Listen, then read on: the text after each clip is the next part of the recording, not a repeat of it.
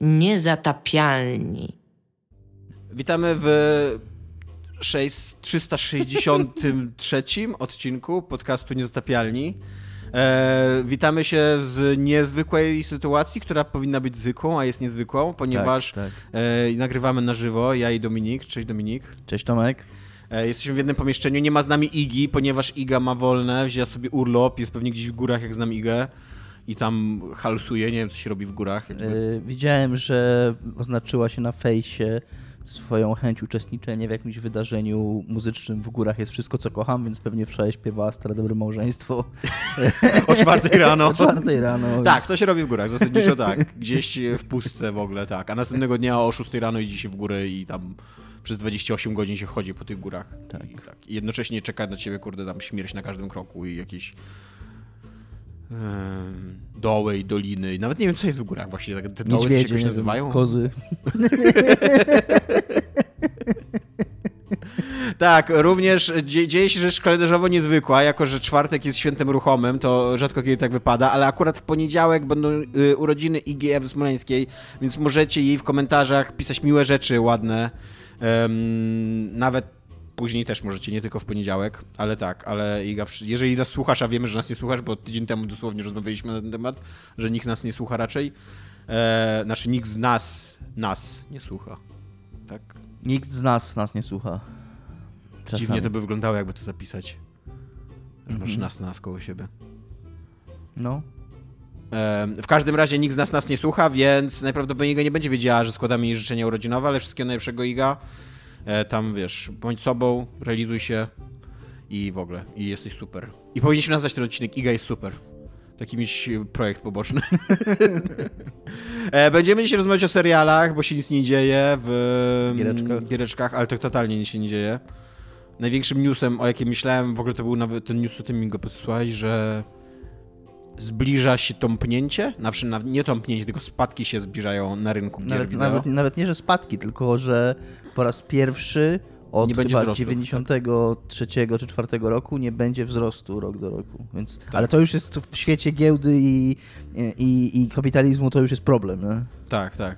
I to jest właśnie, to- jest niesamowite za każdym razem, jak każda kolejna branża to odkrywa, co nie? Że, że nie będziemy cały czas rosnąć. Tak samo było trochę jak przyszedł ten COVID i nagle tak musieliśmy zweryfikować całe swoje, nie wiem, podejście do gospodarki i życia i tak dalej. I tak miałem taką myśl, że jakie to było naiwne, żeśmy wszyscy myśleli, że to po prostu będzie ciągle rosnąć, nie?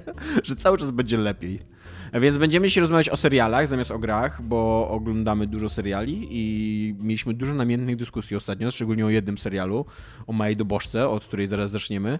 E, więc e, może tak, może po prostu zacznijmy od Małej Dobożki. Dominiku, to jest- jest... jest sobie serial Mała Dobożka. Tak, co jest grane, to jest, bo cały odcinek będzie o serialach, będą pytania serialowe Tomasza, a zaczynamy od co jest grane o mojej I dobożce. wszystkie, co jest grane, będą w ogóle o serialach. Tak, tak, czyli serialu HBO.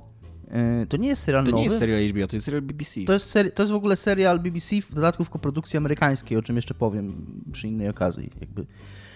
Yy, I tak. No, Ale jest dostępny na HBO, o to Aha, to chodzi, tak. dlatego on jest dopiero od teraz dostępny, mimo że jest z 2018 roku, więc pewnie dopiero teraz tam HBO kupiło, czy dostało prawa, Tak, czy tak. coś. I, I w związku z tym emituje to. Można to obejrzeć na HBO Max w Polsce. Yy, Serial jest adaptacją powieści autora, którego dowiedziałem się, mm, słuchając o tym serialu i oglądając, że cały czas wymawialiśmy źle jego nazwisko, yy, czyli Johna Le Carré, yy, a nie Le Carré, jak mówiliśmy zawsze. Yy, Bo tam jest akcent nad tym. To jest, to jest dla nas problem trochę z francuskimi nazwiskami, ten akcent, bo z kolei. On nie- jest Brytyjczykiem, to jest jego pseudonim To jest jego pseudonim w dupie mam to ale, ale to jest francuskie, no, francuski pseudonim. Tak, tak. Więc Jakby wszyscy wymawiają to John Le Carré i powinno się John Le Carré wymawiać.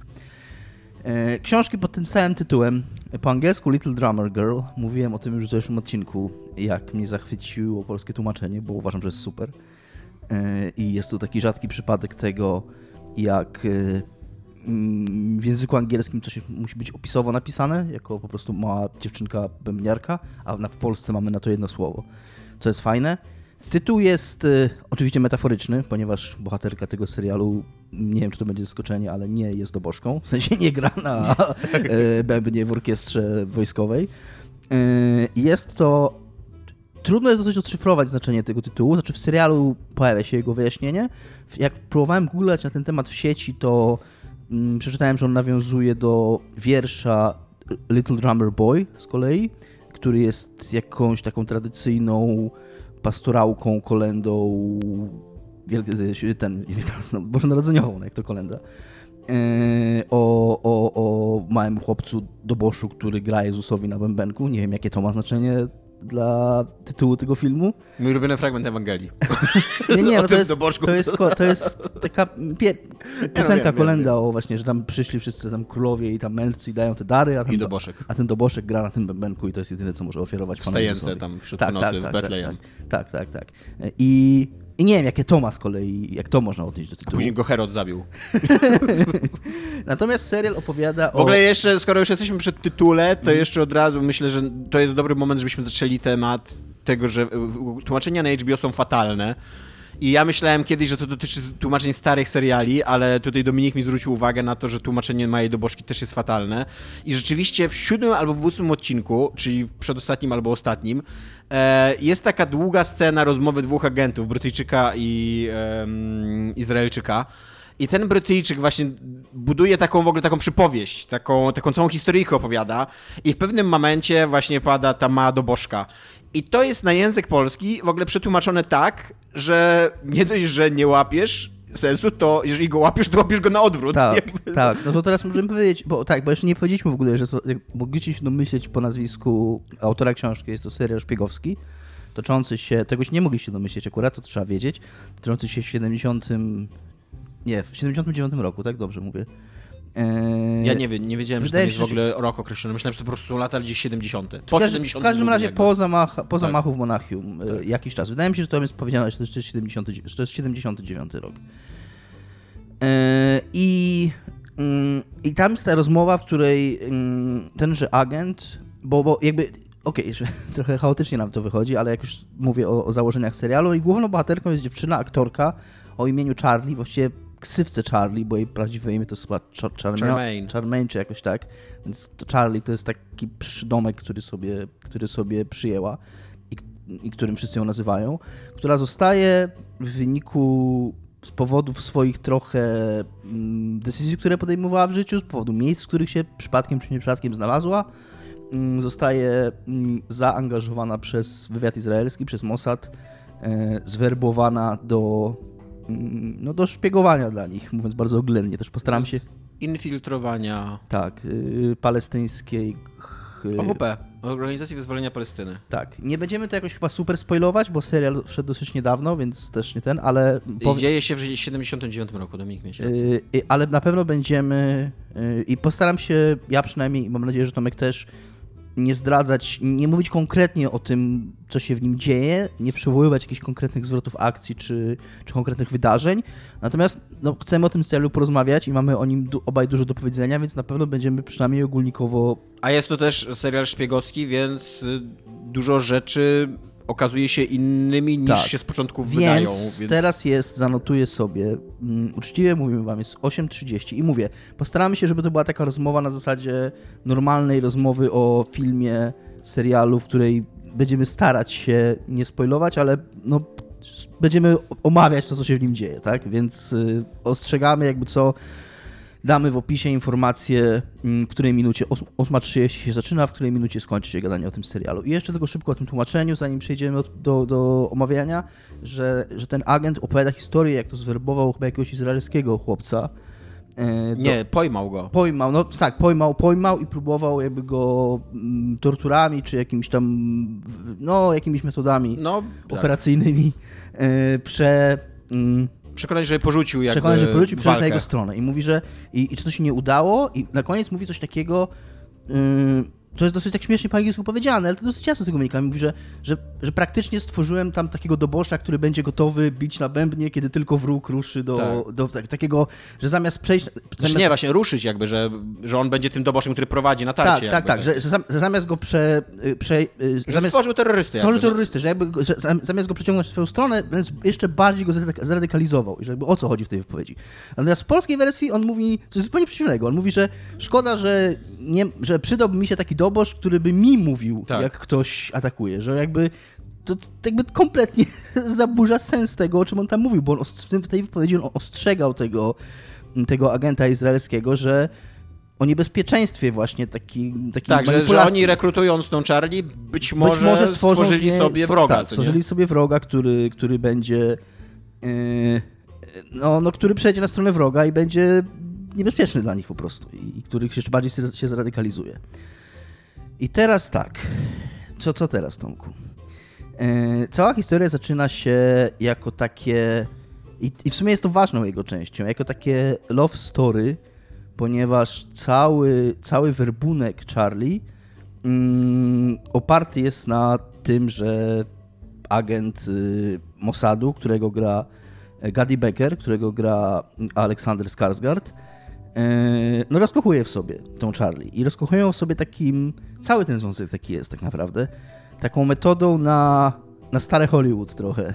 To jest taki, taki, taka miłość rozumiana jako taki czysty zwierzęcy magnetyzm, taki, takie... Mm, nie, że my się poznajemy i rozmawiamy ze sobą i odkrywamy, że coś nas łączy i że mamy jakieś podobne spojrzenie, tylko po prostu istnieje, jest takie napięcie między nami i takie, takie pożądanie, że, że właśnie, że nie ma w ogóle znaczenia, co my mówimy. Przy czym e, jest to serial bardzo purytański i to pożądanie jest e, stricte na poziomie takim teoretycznym.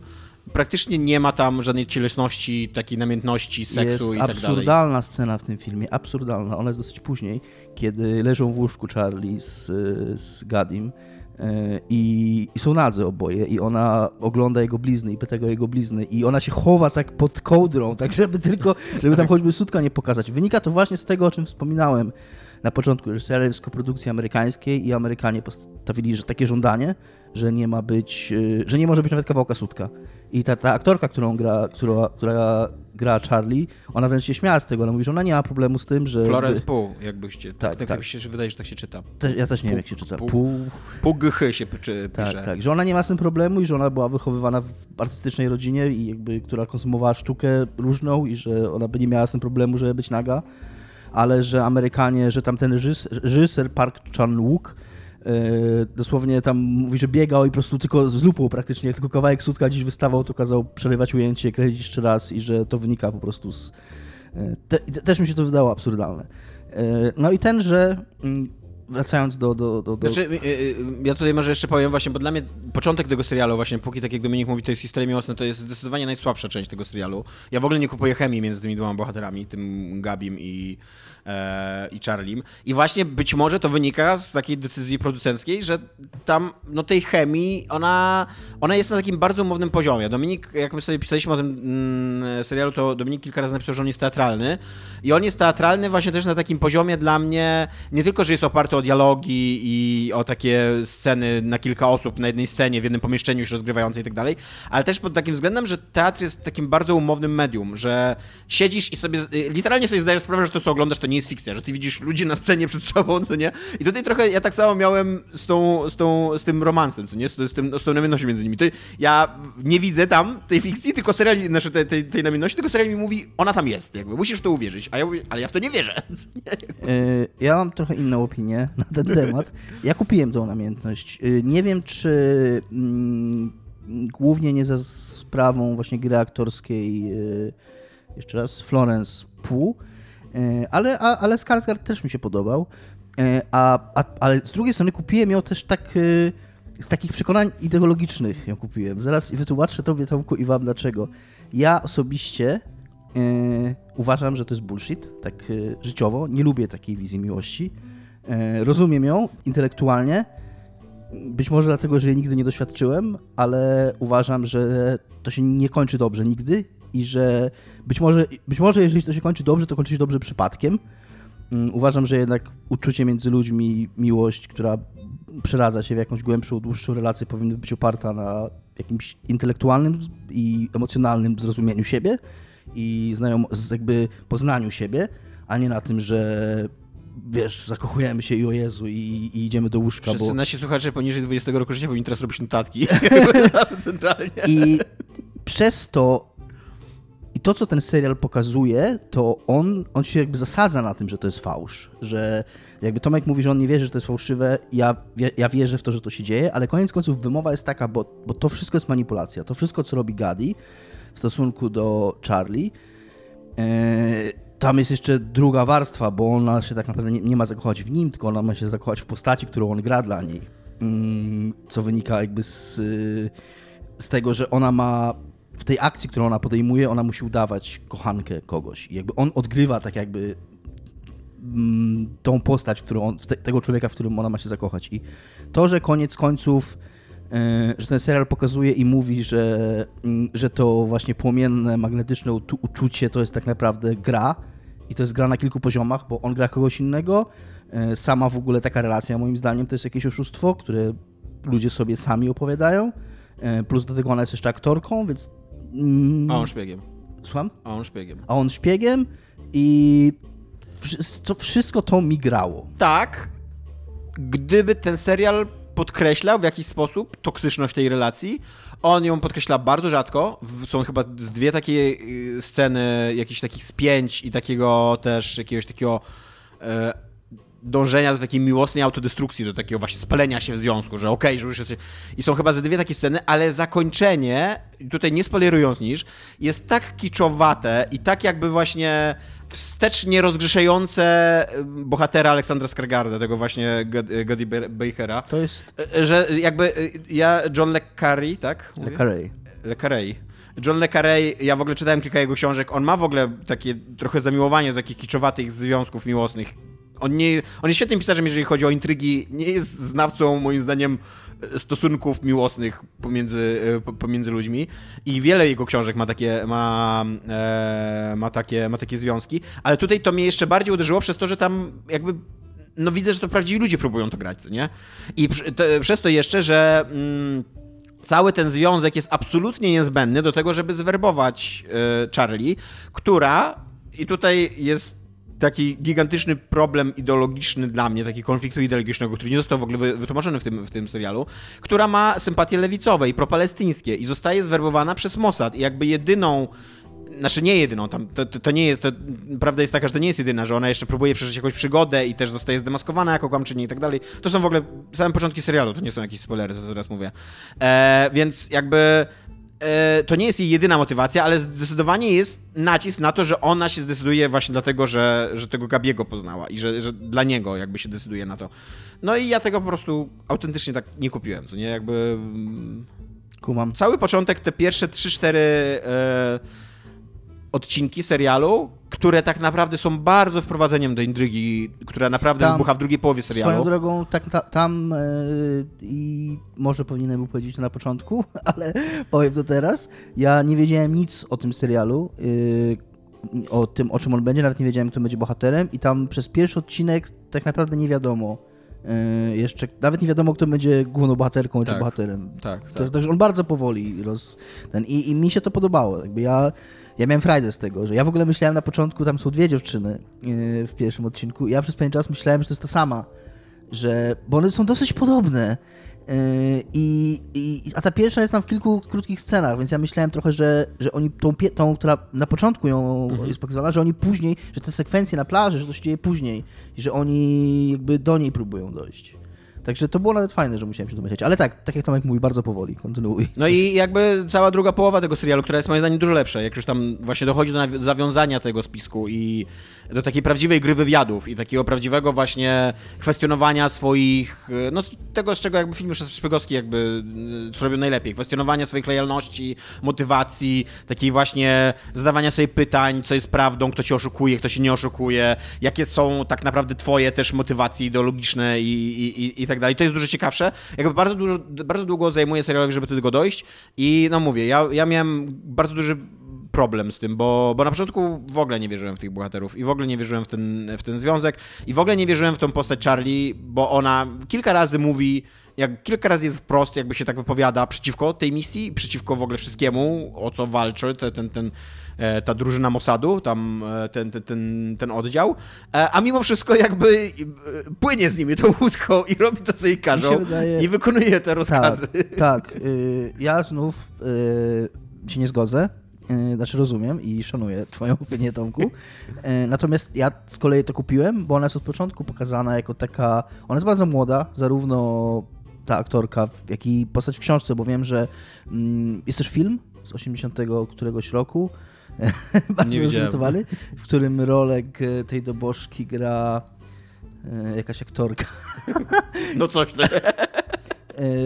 Znana aktorka z tamtych czasów, będę teraz przedłużał, Diane Keaton o której się mówi z 84 roku film. I, jak trochę tak sobie mm, gdzieś mi on tam mijał, jak czytałem o serialu, to właśnie były zarzuty w stosunku do, do Diane Keaton, że była trochę za stara na tą rolę, bo ona miała 30 lat y, jakieś, jak, jak, y, jak grała w tym filmie i że ta postać jest dużo młodsza. I wydaje mi się, że to jest trochę klucz do czytania jej motywacji. I też to, jak ona postępuje od samego początku. Ona z, jedno, i z, jednej strony ona ostrzega wszystkich swoich znajomych, bo ten gad jest takim czarującym, tajemniczym, yy, taką, taką, nie wiem, intrygującą postacią, którą całe towarzystwo młodych ludzi jest trochę zafascynowane i oni wszyscy trochę chcą go poznać, trochę chcą, chcą go wciągnąć w swoje towarzystwo. A Charlie od początku ich ostrzega, że, że to jest niebezpieczne, że to może być jakiś złodziej, oszust, yy, no ktokolwiek, nie? żeby uważali na swoje paszporty i czeki czy coś, czy coś tam, nie?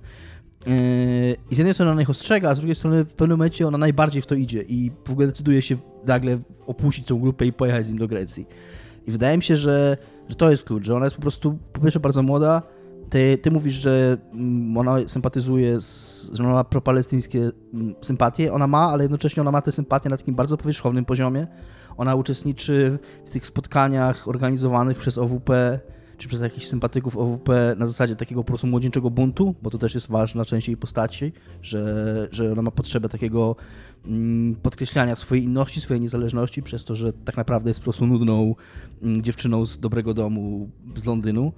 Yy, I wydaje mi się, że po prostu to jest takie poszukiwanie, że cały ten film to jest taki, oczywiście w kontekście wojny, na której giną ludzie i, i, konfliktu, który trwa od dziesiątek lat, ale więc to jest to trochę może kiczowate i takie ten, ale wydaje mi się, że jakby to jest istotą tego. Może to, to, to... Inne, inne jeszcze zastrzeżenie, jakie mam do tego początku, to jest to, że Michael Shannon, który tam gra mm, dyrygenta tej akcji od strony Mossadu, takiego reżysera od początku do końca, jakby to jest całe jego, on walczy o tą akcję, on ją przeprowadza bardzo drobiazgowo, e, rekrutuje wszystkich ludzi i, e, i jakby jest takim też najbardziej zaangażowany e, od strony emocjonalnej w to, żeby utrzymywać fikcję do samego końca, że jakby, że, jakby, że nikt nie może wypadać z roli, bo, e, no bo jakby to, że oni wierzą w tą fikcję jest dla nich najważniejsze, też po to, żeby oni przeżyli.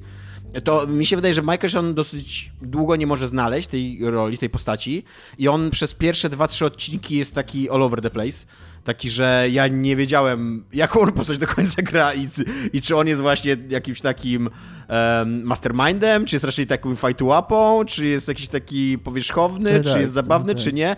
Później łapie to, jakby i później już jest... On się trochę wydaje postacią komediową na początku. Tak, tak. tak nieintencjonalnie chyba.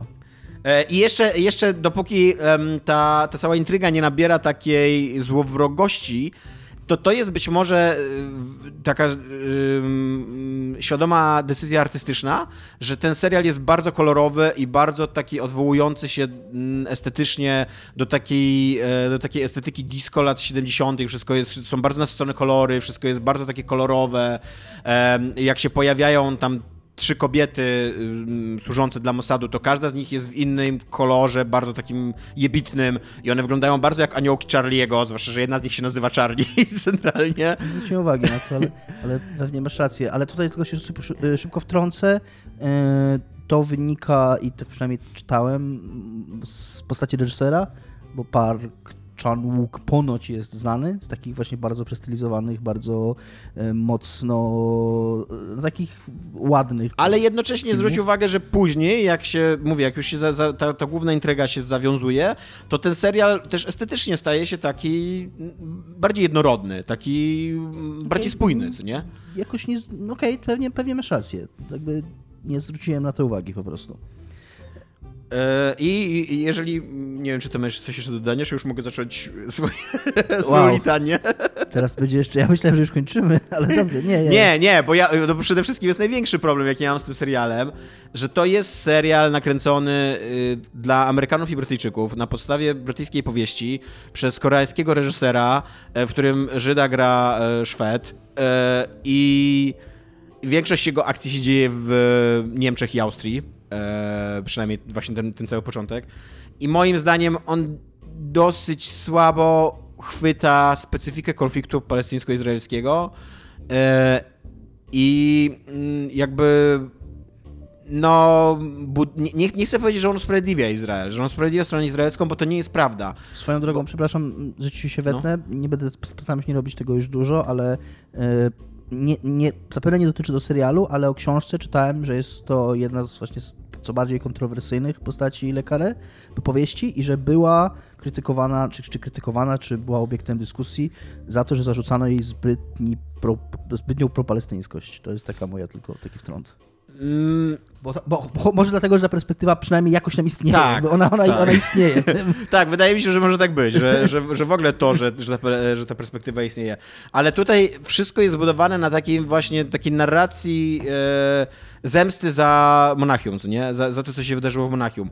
I jakby dużo zajmuje temu serialowi, zanim on dojdzie do, takich, do takiego momentu, kiedy okazuje się, że Izrael zbiera swoje krwawe żniwo na w Palestynie. I że tam również bardzo dużo jest ofiar po drugiej stronie, że to jest bardzo nierówna walka, że to nie jest tak, że terroryści z WP, czy bojownicy z WP sięgają po terroryzm dlatego, że są złymi ludźmi do szpiku kości, tylko dlatego, że to jest po prostu no jakby taki krzyk rozpaczy, co nie? Oni by bardzo chcieli prowadzić normalną wojnę, ale po prostu nie są w stanie prowadzić normalnej wojny, bo, e, no bo żyją pod okupacją i pod jarzmem o wiele silniejszego sąsiada. E, I nawet w zakończeniu mówię, znowu nie będę mówić, co się dzieje, ale miałem takie wrażenie, że ono jest takie bardzo proizraelskie. Takie, e, takie, jak masz domknięcie tych wątków, to się okazuje, że no dobra, były tam jakieś e, perturbacje, można było mieć jakieś takie wątpliwości, ale koniec końców dobrze się stało, jakby, co nie? E, słusznie, nie? Koniec końców. więc, więc. Zwłaszcza, że tak, że te sceny, kiedy. Bo, bo, tam w pewnym momencie pojawia się, wprost pojawiają się bohaterowie OWP i jest trochę tłumaczony jakby ich sposób działania, rekrutowania też Europejczyków, europejskiej młodzieży e, i tak dalej. I, I to, co mówią ci ludzie, ma bardzo dużo sensu, jakby, nie? Więc trochę żałuję, że serial albo nie podkreśla cynizmu postaci tych, um, tych mosadowych postaci przede wszystkim, e, albo nie oddaje jeszcze trochę więcej jakby miejsca i sprawiedliwości, bo, bo też na tym się za, zasadza w pewnym momencie cały konflikt wewnętrzny, Charlie, czyli to, co, to, to, to, co, to, co, to, czym jest ten tytuł, że być może Mossad wyhodował sobie małą dobożkę, czyli jakby zradykalizował Charlie, która na początku była powierzchownie lewicowa, ale powierzchownie propalestyńska, a w pewnym momencie pojawia się taka obawa, że ona już naprawdę po prostu przeszła na drugą stronę, co nie? I to jakby ja autentycznie nie miałem w tym serialu takiej zagwozdki, bo bo on bardzo, bo on stara się pokazać stronę propalestyńską, ale jakby nie podbija jej, co nie, nie, nie oddaje jej takiej sprawiedliwości pełnej, że wiesz, że teraz macie tutaj i um, zidentyfikujcie się z tymi ludźmi, zobaczcie ich tragedię. Trochę, i... znaczy tak, z... to nie jest nieprawda, co mówisz. Eee, jeszcze taka jedna rzecz, która mi się teraz przypomniała, która mm, nie wiem, czy jest a propos tego, co powiedziałeś, ale zakończenie film, serialu, tak jak mówiłeś, ja się zgadzam, że nie jest najlepsze. E, jest, mm, czytałem jakiś artykuł, gdzie był cytowany ostatnio akapit książki. To zakończenie w książce jest inne, a jednocześnie z drugiej strony identyczne w wymowie, więc e, jakby ten wątek jest zamknięty e, dokładnie w taki sam sposób. Natomiast podobno książka dużo więcej miejsca poświęca na stan emocjonalny Charlie po całej tej akcji, że ona jest y, emocjonalnie rozwalona na kawałki, że jakby to jest coś, czego serial trochę nie pokazuje, co jakby on nam każe domyślać się tego, a podobno w książce jest to mocno podkreślone, że ona jest po prostu, więc to być może też ten cynizm przez to, mi się wydaje, ja ten cynizm odczułem tam, być może faktycznie on powinien być bardziej podkreślony, ale mówię, dla mnie od początku ta, ta relacja między Gadim a Charlie to była manipulacja i jakby ja to bardzo czułem, że to jest manipulacja i, i stąd jakby E, wynikało to moje poczucie właśnie jak, jak to nie są fajni ludzie po prostu i to nie jest fajne, co oni robią e, w stosunku do, mówię, młodej, dającej się manipulować, takiej dosyć naiwnej po prostu, no. Nie... No tak, ale jeszcze mniej fajne, co oni robią, jest to, co oni robią od Palestyny. No tak, tak jasne, jasne, jasne, jasne, no ale mówię jakby o tym, co z treścią serialu tak, tak. W, w dużej mierze. E, że, że w książce dużo więcej miejsca jest poświęcone na to, że po prostu to ją zniszczyło, że, że ona już nie wie w ogóle, co się dzieje w jej głowie. I są też dwie bardzo dziwne sceny w tym serialu. Jedna, jedną to opowiem, bo to też jest początek, że tam jest taki więzień jest przetrzymywany w pewnym momencie. I go, go się próbuje na różne sposoby złamać.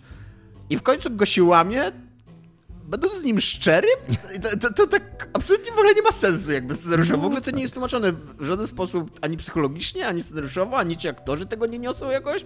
I później jest druga scena, która się dzieje w takim obozie treningowym, szkoleniowym, która też ktoś tam próbuje na kogoś donieść, jednocześnie zdradzając mu no, to... kluczowe informacje na swój temat, więc bardzo łatwo tak. to wykorzystać przeciwko niemu. Niby tak, ale w tej drugiej, to pierwszą się zgadzam, znaczy też tego nie zrozumiałem, ale po prostu miałem, bo w ogóle mam wrażenie, że ten film, y, ten serial, przepraszam, E, on w wielu miejscach idzie na skróty, szczególnie jeżeli chodzi o tą intrygę szpiegowską. On jakby taki handwaving robi, że tak za przeproszeniem, tak stara się, po prostu nam coś pokazuje i mówi, uwierzcie w to, że tak jest i idźmy dalej.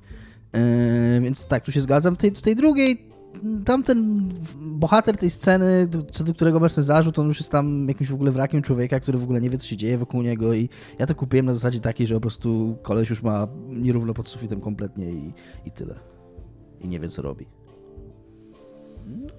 Okej. Okay. mnie, to, mnie to rozśmieszy. Jeszcze jest e, jeden, ale to już był bardzo spoiler, ale z Dominikiem się bardzo śmialiśmy.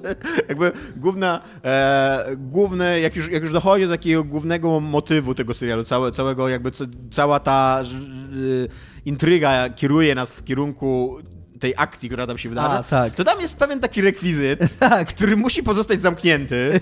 I to, że on pozostaje zamknięty jest w ogóle najdziwniejsze na świecie. Jest najdziwniejsze na świecie. Tak. No tak. tak. No a gdyby to, gdyby otworzyła to wydarzenie. Jak to gdyby? Yy, tak, zgadzam się, że to było przedziwne. Ja w każdym razie super polecam, mi się super ten serial podobał. Przy okazji Florence Pugh, jakkolwiek się przeczytam, znajdę później w internecie, okaże się, że zupełnie inaczej się wymawia.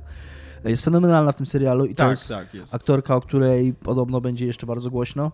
Już jest o niej bardzo głośno, I że, uwielbiają ją fani. Że tak, ale no, że czekają wielka kariera, przewidują ludzie w Hollywood. Ona sama w wywiadach, być może to było, oglądałem wywiady, kiedy ten serial wychodził, więc to Mówiła, że jeszcze jest parę projektów z nią. Grała już w Marvelu, gra, miała bardzo docenioną rolę w y, Pani Macbeth. To tak było po polsku, nie wiem. Lady Macbeth. Lady Macbeth, Pani Macbeth. Lady, Lady Macbeth, Pani Macbeth. Mrs. Macbeth. Ten, tak, tak. E, all, all female reboot of Macbeth. Nie, nie, Lady Macbeth, tak pani Macbeth, ja nie wiem, jaki wstyd. I tak, no, jest fenomenalna jest i, i, i tak. Tak, z tym się mogę zgodzić absolutnie. E, I możemy przejść do jakichś takich y, rozmów, rozmówek na temat seriali, bo jeszcze będziemy oczywiście wracali do konkretniejszych tytułów. Ale powiedz mi, bo to jest coś, o czym ja, na czym ja dzisiaj długo siedziałem. Jaki jest twój ulubiony serial sprzed tej rewolucji serialowej? E, I przy okazji możesz też zdradzić który moment w historii był dla ciebie początkiem rewolucji serialowej i który serial dla ciebie był tym serialem, który okay. ci powiedział, że okej, okay, zasady gry się zmieniły w ogóle, yy, istnieje nowa telewizja. Tak, no właśnie przed, przed rewolucją serialową to w ogóle ciężko było, w ogóle nie myślało się o serialach tak jak się myśli teraz. Seriale to było coś, co leci w telewizji co po prostu czasami jest i włączasz to i tam się oglądało MacGyvera na Polonii 1, bo tam MacGyver był cool, jak się miało 12 lat e, i oglądało się, nie wiem, e, Star Treka, jak leciał w telewizji i oglądało się nie wiem, Archiwum Mix by leciało. Nawet Archiwum Mix, ja, ja pamiętam Archiwum Mix y, z moich dziecięcych czasów, jak leciało, ale nie wiem ile odcinków tego serialu widziałem, z 20 może? Pewnie nawet nie jeden cały sezon, bo to się czasami się oglądało, czasami się nie oglądało, chodziło się do szkoły i to było takie to nie wyglądało w ogóle tak jak teraz, że, że serial to jest jakaś taka w ogóle wiecie, ja serial, nie ma, nie ma nic więcej oglądam wszystko, po prostu chłonę, nie? Było takie, takie trochę bardziej luźne. A odpowiadając na twoje pytanie, też się trochę nad tym zastanawiałem i ostatecznie właśnie stanąłem na Star Trek The Next Generation, e, który oglądałem w ogóle za dzieciaka najpierw i który tak naprawdę za małego dzieciaka i, i który przez wiele lat poszukiwałem później czegoś podobnego. Był taki serial Sequest, którego, który my pamiętamy, który był chyba trochę kiepski, ale leciał i go więc oglądaliśmy. Też go oglądałem, bo zawsze są fascynujące do mnie głębiny morskie, ale też mam jakieś takie dziwne wrażenie, że to nie był najlepszy serial. Jeszcze jeden taki serial, który mam takie dziwne wrażenie, który kiedyś mi się bardzo podobał, to był taki Sliders.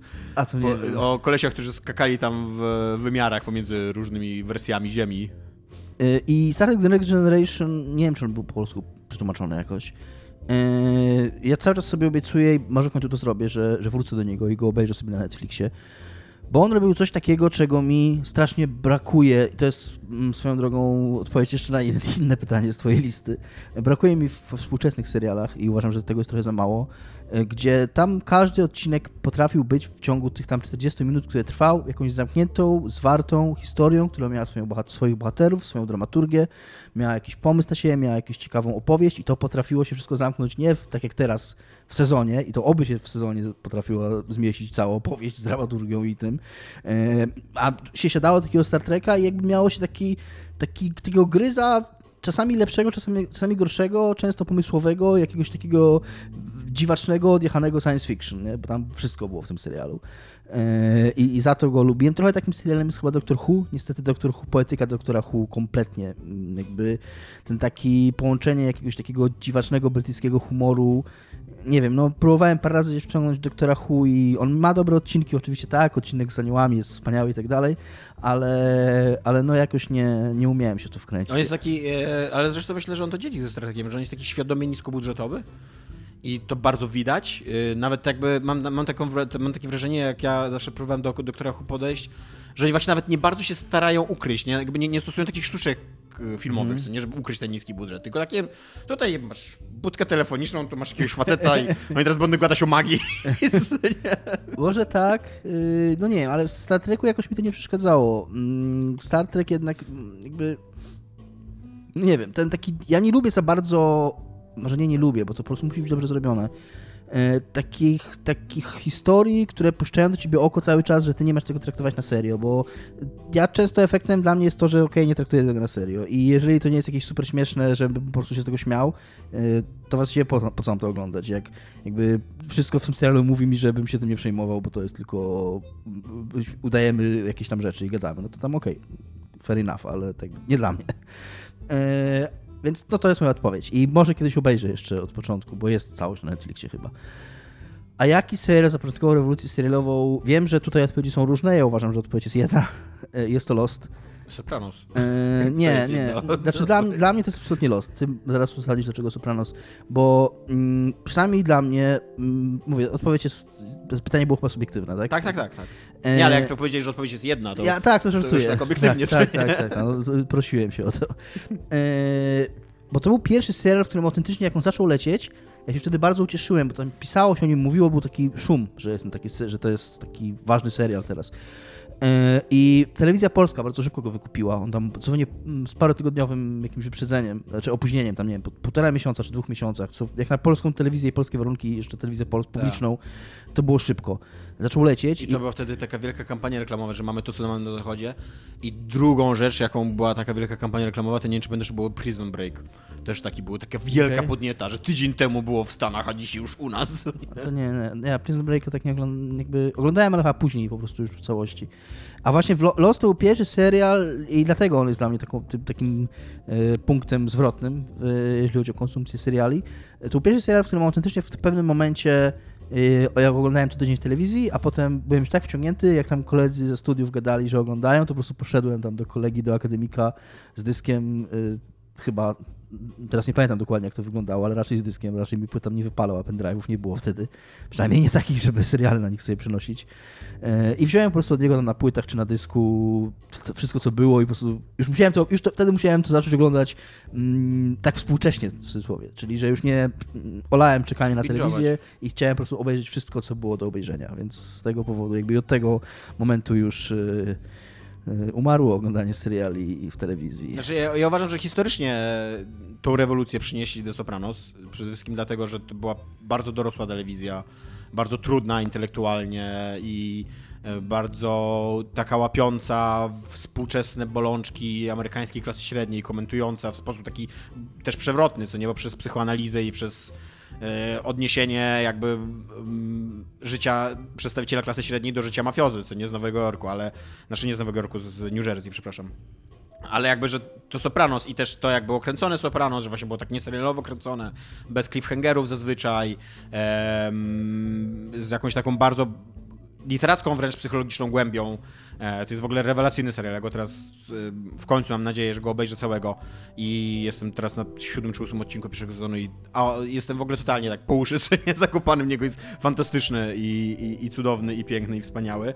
I wydaje mi się, że właśnie tak historycznie to, to bym The Sopranos powiedział, że to jest dobra odpowiedź, ale dla mnie też byli dości, ale jako, że wiedząc, że ty weźmiesz Lostów, to powiem, że jeszcze inna taka rzecz, to była Kompania Braci, y, której ja, y, ona tam w 99 roku zaczęła lecieć i ja jej wtedy nie obejrzałem całej, e, bo, bo to był taki ciekawy serial dla nastolatka pod względem tego, że się strzelali i pod względem tego, że dużo było takich scen w stylu szeregowca Rejana, bo on bardzo kładł nacisk właśnie na taki realizm, ale też e, brutalizm e, scen batalistycznych, że to nie były takie, to nie były sceny, które do tej pory oglądaliśmy batalistyczne, że wiesz, co się dzieje na polu walki, że kojarzysz, jaki jest przebieg tej rozgrywki, tylko to było bardzo takie skupienie się na, na jednostkowym przeżyciu takiego totalnego chaosu, śmierci dookoła, walki o przeżycie, brudu, smrodu, um, błota i tak dalej, co nie? Więc i, i to, co mnie w kompanii braci wtedy zajebiście porobiło i co mi tak właśnie zwróciło uwagę, że, że kurde, to jest coś więcej niż,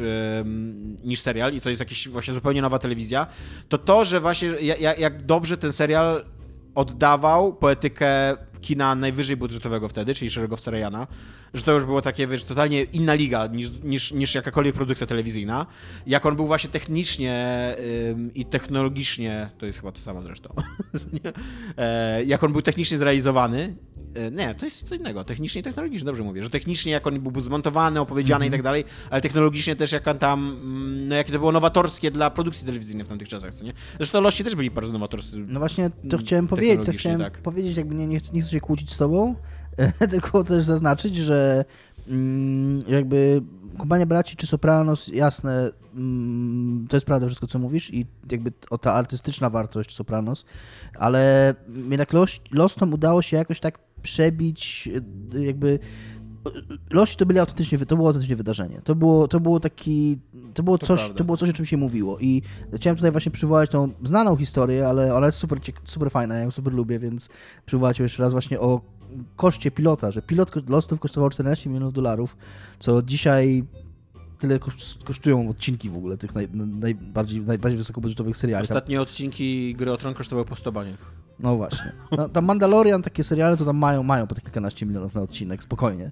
jak nie więcej. Wtedy to był w ogóle jakiś, jakiś absurd i Disney... Mandalorian? Serio? Akurat mi się wydaje, że Mandalorian to strasznie stanie serial. Nie, Mandalorian dosyć drogi. Wow, wydaje ogóle... mi się, że... To w ogóle nie zwróciłem uwagi, że tam są pieniądze w Mandalorianie. Są, są. E, to chyba właśnie najwięcej pieniędzy kosztuje, nie? Żebyś nie, żebyś nie widział. Tak. E, I, I e, ówczesny szef ABC, czyli Lloyd Brown, został zwolniony przez Disneya, czyli mm, który nie wiem czy teraz, ale był wówczas, teraz pewnie ciągle jest, bo tam Disney raczej rośnie niż maleje, właścicielem ABC, zwolniony za to, że on w ogóle mm, dał zielone światło na tego pilota, zanim w ogóle, zanim w ogóle serial został wyemitowany, oni go już go zwolnili, bo po prostu uważali, że to jest przestanie pieniędzmi, że to jest absurdalne, żeby wydać tyle pieniędzy na serial, no i później musieli go jakby przychodzić do niego z przeprosinami, nie? I, I przywrócili go do pracy. I go, i go przywrócić do pracy, tak. No to tak, jakby pod tym względem się zgadzam, że lości, ale na przykład spójrz na kompanię braci, że to jest, oglądałeś serial w telewizji, który otwierają nazwiska Steven Spielberg i Tom Hanks, nie? To jest nagle się wow, kurde, co nie? No tak, jakby tak. to były takie czasy, że tacy ludzie nie robili jakby telewizji. Telewizja to było takie gorsze, gorsze medium, nie? To, że George Clooney z Ostrego Dżuru zrobił karierę w Hollywood później, to było takie wow, w ogóle, ale tutaj wyjątkowa sytuacja, w ogóle, ale się przebił, co nie? Bo były centralnie kiedyś, mm, młodsi słuchacze pewnie tego już nie pamiętają, ale centralnie kiedyś aktorzy byli dzieleni na takie dwie kategorie, aktorzy telewizyjni i aktorzy hollywoodcy. I e, jak, jak występowałeś w telewizji, albo jak zostałeś, broń Boże, zaszufladkowany jeszcze jako dobry aktor telewizyjny, to nie miałeś szans na, na, na wielkim ekranie na, w Hollywood, bo jakby bo panowało jakieś takie przeświadczenie, że nie masz charyzmy potrzebnej, na, żeby zawładnąć właśnie wyobraźnią tłumów, że jesteś jakiś taki zaszufladkowany takich e, produkcji klasy B, co nie, gorszych. E, a, a, wracając do tego pytania, które sam zadałem, to dla mnie, ja bym bardzo chciał powiedzieć, że dla mnie z tej starej telewizji to był Archiwum Mix najważniejszy serial, ale to było takie szpanerstwo trochę, bo podobnie jak ty bardzo dużo odcinków z Archiwum Mix nie obejrzałem. E, i, I też ja próbowałem kiedyś obejrzeć Archiwum Mix na teraz jakby będąc już dorosłym i tam bardzo dużo odcinków nie jest dobrych. to jest, e, zwłaszcza ten pierwszy sezon, on się bardzo słabo zestarzał technologicznie i, i bardzo mocno widać miejscami, że po prostu jest słaby. E, natomiast Ostry Dyżur, ER, to był serial, który mnie totalnie robił w latach 90. i na początku lat 2000. E, może dlatego, że on leciał w normalnej godzinie, że go autentycznie tak leciał dzień w dzień o godzinie tam 16 czy 15 i go tak codziennie oglądałem po prostu po godzinę. E, on był rewelacyjnie zrobiony, jeżeli chodzi o tempo. On w ogóle wymyślił znaczy nie wymyślił, ale spopularyzował ten taki pomysł, który Aaron Sorkin uwielbia, czyli takiego chodzenia i gadania, żeby, mm. żeby dialogi wyglądały dynamicznie, że coś się dzieje, że idziemy, że nie ma czasu, żebyśmy stali w miejscu, co nie, to i trzeba ratować życie i demokrację i tak dalej, co nie. E, a przy okazji też Ostry miał super zrobione te takie wątki fabularne poszczególnych postaci. Do tej pory one, one były tak dobrze zrobione, że, że autentycznie jest tam, jednym z głównych bohaterów był dr Green, który miał w pewnym momencie guzę mózgu i on umarł w ósmym sezonie tego serialu i autentycznie po przez to kupować później sezony, bo chyba ktoś, chyba ktoś w Polsacie stwierdził, że skoro główny bohater umarł, to tam już nie będzie tego serialu dalej, a centralnie jeszcze zrobili 7 kolejnych sezonów i ten serial był bardzo popularny jeszcze po, po śmierci doktora Greena. E, ale tak, ale na przykład pamiętam, że właśnie bardzo emocjonalnie mnie porobiło i, i w ogóle uwielbiałem Johna Cartera, który tam był jednym z takich bohaterów, takim, takim młodym. To jest ten y, taki science fiction film był, tak? Tak, jest coś takiego, ale nie, jak John Carter to jest taki bohater, taki, taki młody lekarz, który się, chce jak, zostać chirurgiem. Jak już się wpieprzyłem e, w... w nie, nie, nie musisz się wpieprzać dalej. Nie, nie, to nie musisz. Jakby. Chciałem tylko sprecyzować, że mm, źle zapamiętałem tą historię z Brownem i, chcia, i chyba sobie dopowiedziałem coś, co brzmiało nie fajnie. Przywrócili go do nie przywrócili go do pracy, oczywiście. Później zaczął dla Yahoo pracować. Trochę to musiałem o tym pogooglać, mm, ale tak, no zwolnili go, bo zakładali, że serial będzie porażką i, i nie było niestety sprawiedliwości, bo nie ma sprawiedliwości w świecie korporacji właściwie czemu. Myślę, że jakoś sobie poradził w życiu. Jak on był tam, jak on był tam jakiś CEO czy coś takiego. Był, był, tak, był, był, nie wiem czy CEO, czy tam, no szefem. Myślę, ABC. że spadł na cztery łapy. no tak. E, więc tak, więc dla mnie Ostry Dyżur był takim serialem i, i to z kolei za mną ładzi na maksa, żeby obejrzeć Ostry Dyżur. I ja bym już dawno podszedł do oglądania Ostrego Dyżuru jeszcze raz, gdyby nie to, że w latach 90 liczba odcinków serialów była absurdalna. 24 odcinki na sezon to jest w ogóle jakaś absurdalnie wielka liczba. To są, to są po prostu giga... Jakbym miał obejrzeć 15 sezonów teraz Ostrego Dyżuru, to ja bym to chyba kurde 3 lata robił, co nie? Jakby no bardzo mi przykro i bardzo bym chciał jakby jeszcze raz ten serial obejrzeć, ale no niestety go nie obejrzę, bo nie mam kurde życia po prostu, żeby to robić. Zwłaszcza, że tyle nowych rzeczy wychodzi. A skoro już wspomniałem o kompanii braci, to co jest grane moje, e, to obejrzałem brata bliźniaka kompanii braci, e, czyli Pacyfik. Co jest, jakby to jest dokładnie ten sam projekt artystyczny, który właśnie się urodził z mm, szeregowca Ryana, żeby opowiedzieć, żeby stworzyć jakąś taką epicką narrację na temat amerykańskiego doświadczenia wojennego. E, widzianego oczami żołnierzy, jakby te, opowiedzieć takie historie tych, tych ludzi, którzy tam stali i walczyli i wywalczyli jakby mm, wolny świat według Amerykanów. E, I jak kompania braci była o tym froncie europejskim, E, i zaczynała się de facto w 1944 roku dopiero mm, od lądowania w Normandii i od inwazji na mm, e, Francję, bo akurat w, kompanii braci nie ma lądowania w Normandii, bo to była tam kompania spadochronowa, tylko w Szeregostroja nie jest lądowanie w, Normandii. E, tak, Pacyfik opowiada jakby ten drugi front, ten taki prawdziwie amerykański front, czyli wojnę na Pacyfiku z, Japonią. E, I tutaj akcja się zaczyna w 1941 roku bo dla Amerykanów wojna wybucha w 1941 roku, co jest w ogóle śmieszne, że dla różnych krajów wojna, druga wojna światowa wybuchła w różnych latach. E, ale tak, on się zaczyna w 1941 roku i opowiada, zaczyna się od bitwy, takiej słynnej krajowej bitwy na Guadalcanala, a kończy się na bitwie o Okinawę, e, więc praktycznie 4 lata tego mm, wysiłku e, wojennego Amerykanów opowiada, streszcza, na podstawie losów trzech postaci, trzech historycznych postaci, na podstawie ich wspomnień i książek ten serial był nakręcony. E, i to jest Robert Lecky, który w ogóle był później pisarzem i e, ponad 40 powieści napisał, Eugena Sledge'a, e, który bodajże był historykiem, tak mi się wydaje, ale nie jestem pewien, e, i Johna Basilone. I ten John Basilone to jest ciekawa postać, bo on zginął w 1945 roku e, w trakcie bitwy o Okinawę. Jest to trochę spoiler odcinka, ale z drugiej strony to jest postać historyczna, więc mam nadzieję, że się nie obrazicie, e, że on ginie. I to była o tyle ciekawa postać, że to był facet, który autentycznie w bitwie na Ogładakanale e, o mm, takim w ogóle nadludzkim męstwem się wykazał, co nie, że tam biegał w ogóle, jak od, od, odpierali w środku nocy natarcie Japończyków, to on biegał z takim wielkim karabinem e, e, maszynowym, takim co na trójnogu się go ustawia i w ogóle na, z, ramienia z niego strzelał i tam w ogóle falę za falą jeszcze amunicję dostarczał do drugiego karabinu i jego przyjaciel wszedł na minę w tym czasie i tam tego Johna Basilone centralnie milimetry dzieliło od śmierci, co nie? E, I on został za to odznaczony Medal of Honor, czyli mm, tym medalem, który tam nazwano od gry wideo. Honoru. E, medal, medal honoru, no.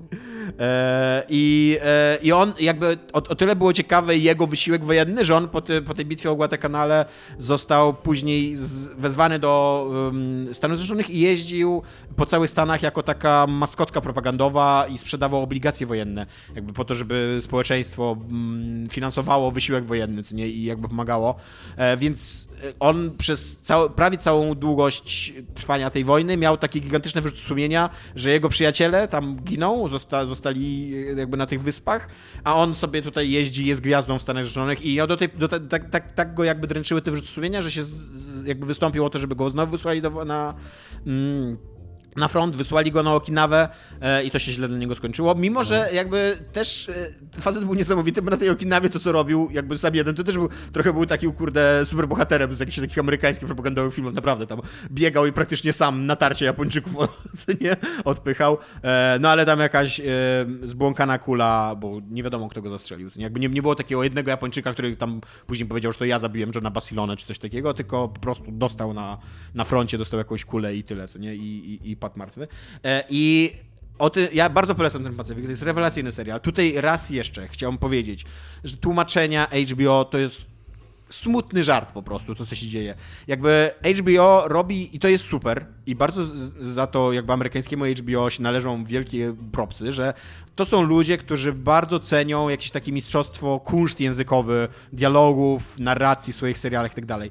I te ich seriale bardzo często wchodzą w różne takie dziwne rejestry językowe, w stylu tam e, slang w The Wire, e, tutaj właśnie jest taki bardzo podbity taki e, żargon wojskowy, że oni no, praktycznie jak jesteś cywilem, to nie do końca rozumiesz, co oni mówią tam w trzech czwartych, nie? I polski tłumacz sobie poradził tak, że po prostu trzech czwartych dialogów nie tłumaczy.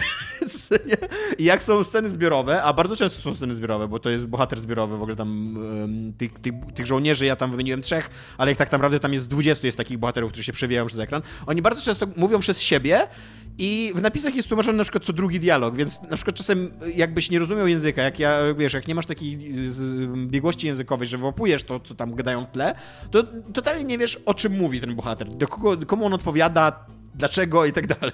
No jeszcze do tego, co, co powiedział Tomek, ja mam to samo wrażenie i to, to jest takie, kurna, nie, trochę wredne w dodatku, bo to nie jest tak, że tłumaczenia one są złe przez cały czas. One przez cały, przez większość czasu są takie ok, po czym nagle się mylą, ale w jakiś taki po prostu tak. dramatyczny sposób, że właśnie tak to, co mówiliśmy w Doboszce, że nagle po prostu zmieniają sens dialogu całkowicie.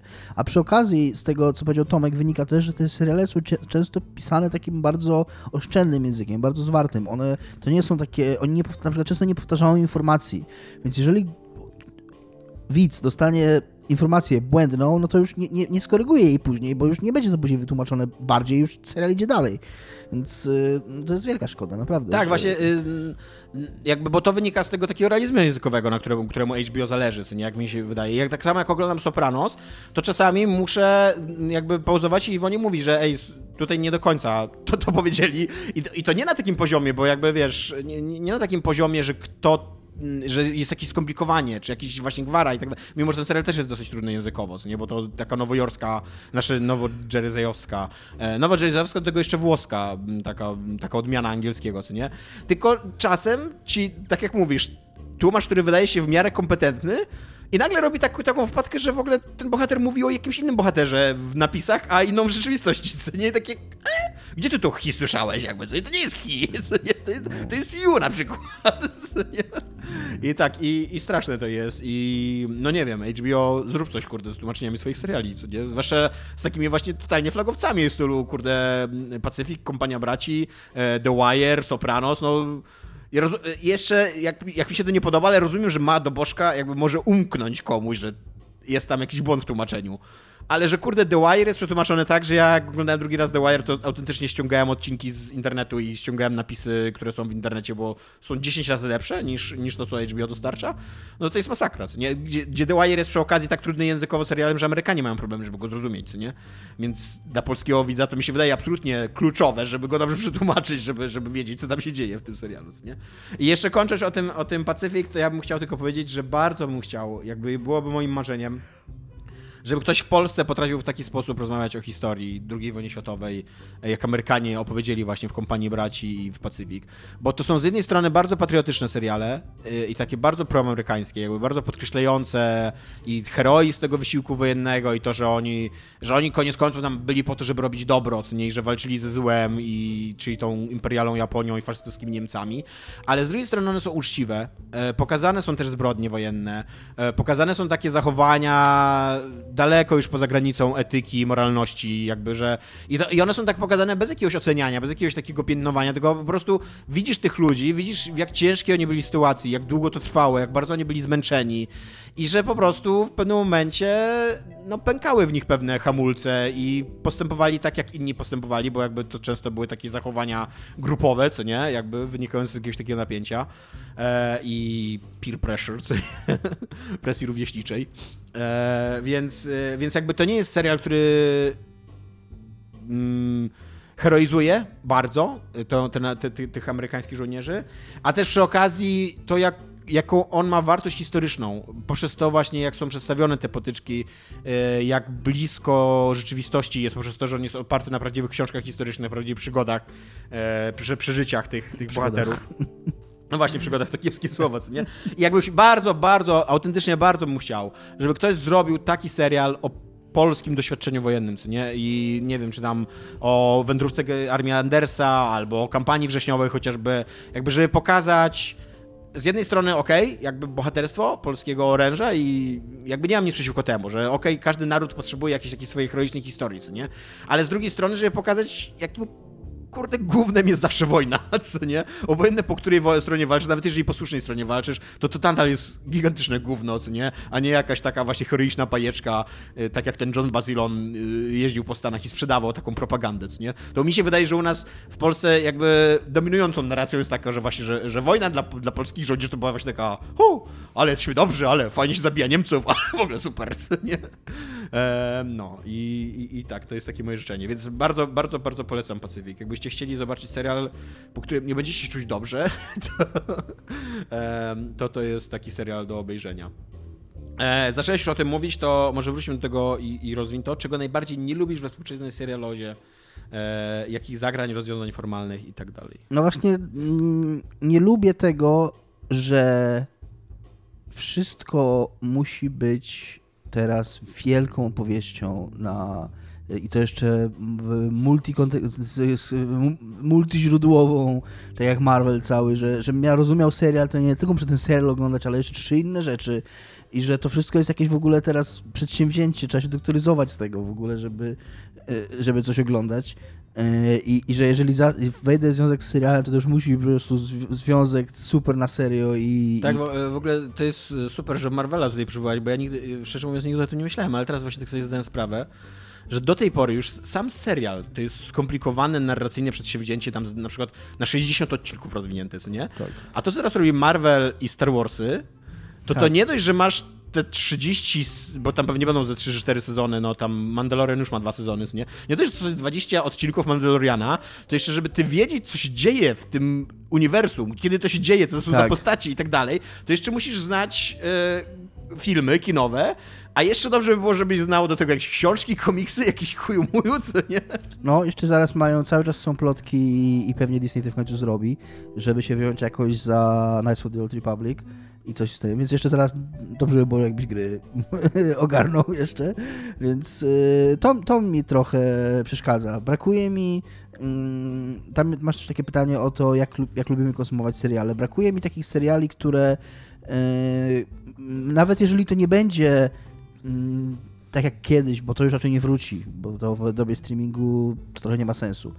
Y, takie, że jeden odcinek może być jakąś zamkniętą całością, która opowiada fajną historyjkę. Chyba, że to w, Black Mirror się udało. Tak, tak. Yy, nawet trochę inna sytuacja, bo to też każdy odcinek był z innymi bohaterami i zupełnie inna historia. Swoją drogą muszę w końcu obejrzeć Black Mirror. Cały czas mnie ten odcinek o świni odstrasza. Jakby... To jest pierwszy odcinek, możesz go po prostu nie obejrzeć i tyle. No, I nie, dalej. Ale, ale jak, ale jak to? Yy, I, I brakuje mi takiego właśnie żeby to było takie, żeby łatwiej było tym zarządzać, no właśnie. Jak super była ta dobożka, że właśnie, że to było 6 odcinków i chodzi coś... Okej, okay, 8, przepraszam, cały czas myślałem, że 6. E, te... E, e, kulawe konie miały 6. że 5? 6, chyba 6. Że, że no to nawet jeżeli będzie 8 odcinków, ale że no 8 trochę dużo już jednak. No ale że ale nie chcę, że będzie i 8, ale zamknięta całość i koniec, nie? I, I, nie będzie więcej. Albo jest też serial, bardzo spoko serial, nie wiem czy o nim wspominałem, ale wspomnę teraz. E, I będzie przy okazji Kowal Watch, pi, pi, pi, pi, pi, pi, pi, Kowal Watch. E, Michał Kowal mi go bardzo i bardzo go zachwala, jest wielkim fanem. Serial After Party na Apple TV+. Plus. E, to jest serial, w który jest zaangażowany mm, jakoś tam chyba producencko człowiek od Into the Spider-Verse bo trochę podobna jest idea stojąca za tym serialem. To znaczy, to jest serial, to jest crime, taka historia morderstwa, yy, która się dzieje podczas spotkania takiego reunion, takiego spotkania po latach klasy maturalnej, czy tam ze szkoły średniej. Nie? Yy, I no i ten serial jakby to jest, on ma, nie wiem, 8 albo 10 odcinków i każdy odcinek i jakby on pokazuje z, z tą historią, co się wydarzyło tego wieczoru z punktu widzenia każdego z bohaterów, tak żeby w końcu ułożyć z tego jakby układankę, co tam się wydarzyło. I każdy, każdy odcinek jest w innym stylu filmowym, to znaczy jakby to jest taka trochę wizja tego, jak każdy jest bohaterem w swoim własnym życiu, jak często, wiesz, masz odcinek o jednym bohaterze, który w odcinku innego bohatera jest tylko jakimś statystą, który po prostu przemyka gdzieś, a jednocześnie każdy z tych odcinków jest w innym stylem filmowym, czyli pierwszy jest komedią romantyczną, drugi jest jakimś dramatem szpiegowskim, bo, bo ktoś tam jest jakimś tam, nie wiem, e, ochroniarzem, czy, czy kimś tam i tak, tak patrzy na swoje życie, a jakiś inny jest jeszcze jakimś taką w ogóle e, dramatem psychologicznym, bez jakiegoś Jaki on ma tytuł? After Party. Bardzo ciekawa rzecz, naprawdę. I on też, i on będzie miał kolejne sezony, ale z tego co rozumiem, nie wiem, czy, czy, będzie miał tych samych bohaterów, wątpię, bo on się kończy. Jakby on ma ileś tam odcinków i ta historia, ta intryga się domyka i, i nie ma więcej. I jeżeli będzie kolejny sezon, to, to będzie to albo nowa historia, przepraszam, że będzie z nowymi bohaterami, bo trochę bez sensu byłoby, żeby znowu ci sami bohaterowie mieli jakieś morderstwo w swojej, bo to byłoby trochę absurdalne, nie? Ale no jest, jest to zamknięta historia. Ciekawe, to... czy to jest jakieś takie e, pokoleniowe, że jakby nasi rodzice byli tacy, że okej, okay, kurde, film to zamknięta historia, ale tych seriali ja już nie będę oglądał, nie? My tak mamy jeszcze, okej, okay, jakby serial to jest zamknięta historia, ale te multiversa to ja nie będę. Ale jakby wiesz, ludzie po nas że będą, okej, okay, jedno, multiversum to jeszcze mogę śledzić, ale 16 i one jeszcze na siebie wpływają. może tak, może tak, no. Eee, nie chcę powiedzieć cliffhangery, bo to jest trochę za łatwe. Kurde, ale ja chcę powiedzieć cliffhangery. Ale no to, to, ja nie chcę, to Tomek to powie. E, bo tak, jasne, cliffhangery wkurzają. Szczególnie wkurzają jak... E, e, a jednak mówię o tym, nie, dobra, miałem to zostawić Tomkowi. No to chyba to, no, taka właśnie rozwlekłość, takie jednocześnie to, że ja lubię jak serial jest krótki i, i zwarty, a jednocześnie dzisiaj mamy jakby taką potrzebę, żeby był hashtag content, że często jest tak, że nawet jak serial ma 8 odcinków albo 6 odcinków, to masz wrażenie, że tam ze dwa można by spokojnie tak. uciąć i, i byłoby ok. Że nawet te krótkie seriale się wydają sztucznie wydłużane i to jest chyba też coś, co, co, co mi przeszkadza. Taki, taki brak zwięzłości, co jeszcze ja jeszcze nie widziałem nowego Stranger Things, ale to jakby wydaje mi się, że... Jest totalnie, to jest taki, tak, flagowy przykład tego braku związłości. No, autentycznie, jakby, jeżeli musisz nakręcić odcinek serialu, który trwa 2 godziny i 30 minut, to to po pierwsze już nie jest odcinek serialu by definition, moim zdaniem, nie? a po drugie masz jakieś gigantyczne problemy w ogóle z montażem po prostu i z opowiadaniem historii, no. z umiejętnością opowiadania. Więc tak, więc, yy, więc to jest to. E, no to ja powiem, że cliffhangery. E, tutaj się wytłumaczę bardzo. Przede wszystkim, ja przede wszystkim myślałem, że mamy ten problem już z głowy. Ja dlatego też e, bardziej jeżeli chodzi o tą rewolucję serialową, to bardziej bym obstawiał na HBO niż na Lost, Lostów, czy tam, um, nie wiem, 24 godziny też były takim bardzo głośnym serialem wtedy i tak dalej. Ale to właśnie, bo to, co zrobiło HBO, y, Soprano, The Wire i Kompanią Braci i jeszcze jakimiś kilkoma innymi pewnie swoimi przy, y, serialami, to to, że, że HBO powiedziało, że można inaczej opowiadać historie serialowe. Że one mogą być, po pierwsze, dojrzałą historią, a po drugie, że one też narracyjnie mogą być dojrzale opowiadane. Właśnie bez cliffhangerów, bez takiego taniego szokowania emocjonalnego, jakiegoś takiego naciągania cię i... Mm, i, i, takiego, wiesz, gra, i grania ci na nosie i tak dalej. I jakby lości jeszcze totalnie byli po tej drugiej stronie tej rewolucji, nie totalnie tak żerowali jeszcze na tym. E, Dexter też tak robił, właśnie 24 godziny też całe jakby na, tym były, że dopiero ostatniego, ostatnią godzinę się dowiadywałeś, co tam się działo i tak dalej. Um, 24 godziny były super. A co? 24 godziny były super. tak. No też byłem fanem tego serialu, to prawda. E, ale wiesz, ale to, że The Wire potrafiło ci zabić, kurde, bohatera kluczowego absolutnie dla fabuły, bohatera w 15 minucie odcinka i później przez 45 minut dalej po prostu ten odcinek się toczył, nie? No to, to, to była autentycznie rewolucja taka, wiesz, w storytellingu, co nie? I ja, ja myślałem, szczerze mówiąc, że po właśnie sukcesie HBO i ich stylu opowiadania, po u, u, pokazaniu, jak można dojrzale, normalnie, tak powieściowo wręcz opowiadać historię, co nie? Że, że mamy trochę ten problem cliffhangerów już za sobą, bo one i, i były męczące, i ludzie je krytykowali bardzo mocno w pewnym momencie, i w ogóle też i, i, i show jak się nazywa ta, ta, taka firma, która też produkuje ambitne seriale, Showcase? Show... Showtime? Showtime, o właśnie. I Showtime i EMC też odchodziło od, e, od takiego, um, takiego tempa właśnie takiego um, teasowania i, i podrażniania widzów i przecież i Better Call Saul od tego odchodzi, chociaż ty teraz mówisz, że akurat mieli pecha, że w tym sezonie im tak wyszło, ale i Better Call Saul od tego odchodzi, Breaking Bad od tego odchodził. Jakby pokazywał nam, że można widzę traktować poważnie na poziomie narracji narracyjnym, opowiadać mu poważne historie i żeby one jakby tam jakoś realistycznie się rozwijały, co nie? I nagle wchodzi to Severance, całe na biało w tym roku. nie? I to jest po prostu no, tragedia. To, to jest prawda. po prostu, to jakbyśmy 20 prawda. lat się cofnęli w e, sztuce storytellingu telewizyjnego, co nie? To jest serial w całości zaprojektowany po to, żeby drażnić, podkurwiać widza, przepraszam za, za, za słowa, ale tak, moim zdaniem to idealnie jakby pasuje. To jest idealne słowo do tego, do tego serialu, żeby go tak szturchać kijem, co nie? Że tak, ej, zainteresowałeś się? Zainteresowałeś się? Oczywiście, szkoda, bo łapię się teraz zrobić cięcie. O, cięcie! Ale, ale, ale, przykro nam. I tak jak ten cały ostatni ale... odcinek jest tak zrobiony, że tam cały, cały ostatni odcinek jest podzielony na cztery wątki i w każdym z tych wątków odpala się timer i ty wiesz i od początku tego odcinka wiesz, że ten timer jakby sekundę po tym, jak dojdzie do zera, to będzie cięcie. I dokładnie tak jest. Ja tak siedziałem, ja pierdzielę. Jakby po co, po co my robiliśmy to Soprano? Po co jest... my robiliśmy to The Wire? No po właśnie... co my robiliśmy Breaking Bad i tak dalej? Skoro tutaj wróciliśmy po prostu do punktu wyjścia. Wspomniałeś Better Call Saul, ale Better Call Saul bardzo rzadko ma cliffhangery. Tak, tak. Czasami ma. Y, akurat mówię, w tym sezonie tak wyszło, że jest epicki cliffhanger i to jeszcze przed przerwą. Mi nie przeszkadza, wiesz... Ja ale właśnie chciałem powiedzieć, że nadal to nie jest tak, że przez cały odcinek, bo w Severance tak. potrafił tak, że przez cały odcinek nic się nie dzieje, że cały odcinek jest tylko yy, takim build-upem, za przeproszeniem, takim stopniowaniem napięcia przed tymi ostatnimi minutami. A jednak no Better Call nie ma, tam się dzieją rzeczy, tylko po prostu czasami no, na koniec odcinka się wydarzy coś dramatycznego. Tak, właśnie ja, nie mam nic przeciwko mm, takim naturalnym, organicznym cliffhangerom. Nie, że to jest fajnie, tak? Mieć takie uczucie, że o kurde, muszę obejrzeć kolejny odcinek, nie? Problem jest wtedy, kiedy cały serial, i tak byli robieni rości, i tak jest robiony, mm, tak, tak jest totalnie robiony Severance, jest produkcją opartą tylko i wyłącznie na mnożeniu pytań i wątpliwości i po to, żeby nie udzielić na nie odpowiedzi, żeby jakby jak najdłużej przeciągać twoją, twoje właśnie takie zainteresowanie, poirytowanie tym. I no i mówię, jak myślałem, że, że od tego odeszliśmy, tak wydaje mi się niestety, że teraz y, sukces Severance, który jest bardzo chwalony i jest jakiś taki w internecie straszka taka na, na ten serial, że o mój Boże, co to jest za arcydzieło, musi to obejrzeć, że to może spowodować, że to wróci, ta moda na, na, na cliffhanger, na taki styl storytellingu, co nie?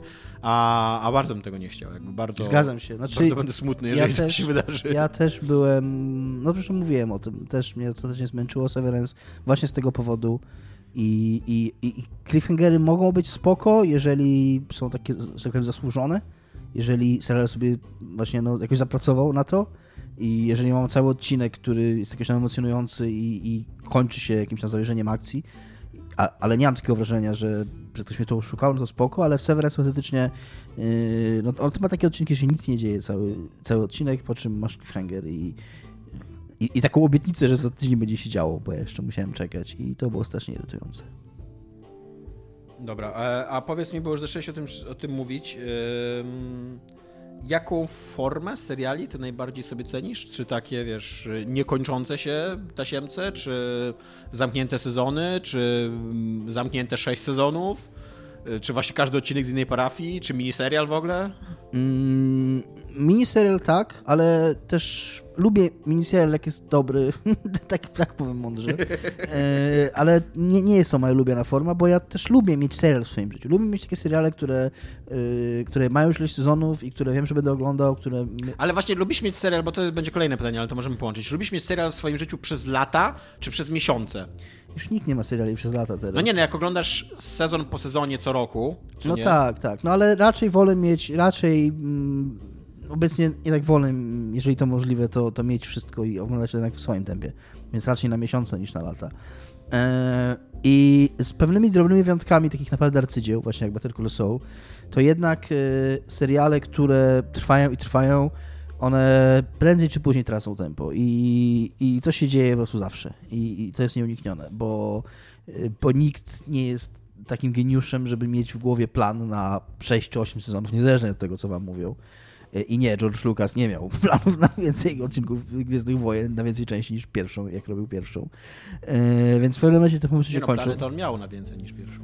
Ale nie miał tego rozpisanego. Tak, tak, no w sensie, w sensie nie miał historii rozpisanej i, i, nie wiedział od początku, o czym to wszystko będzie, o to mi chodzi, tak? No, że chciał robić więcej tych filmów, pewnie tak.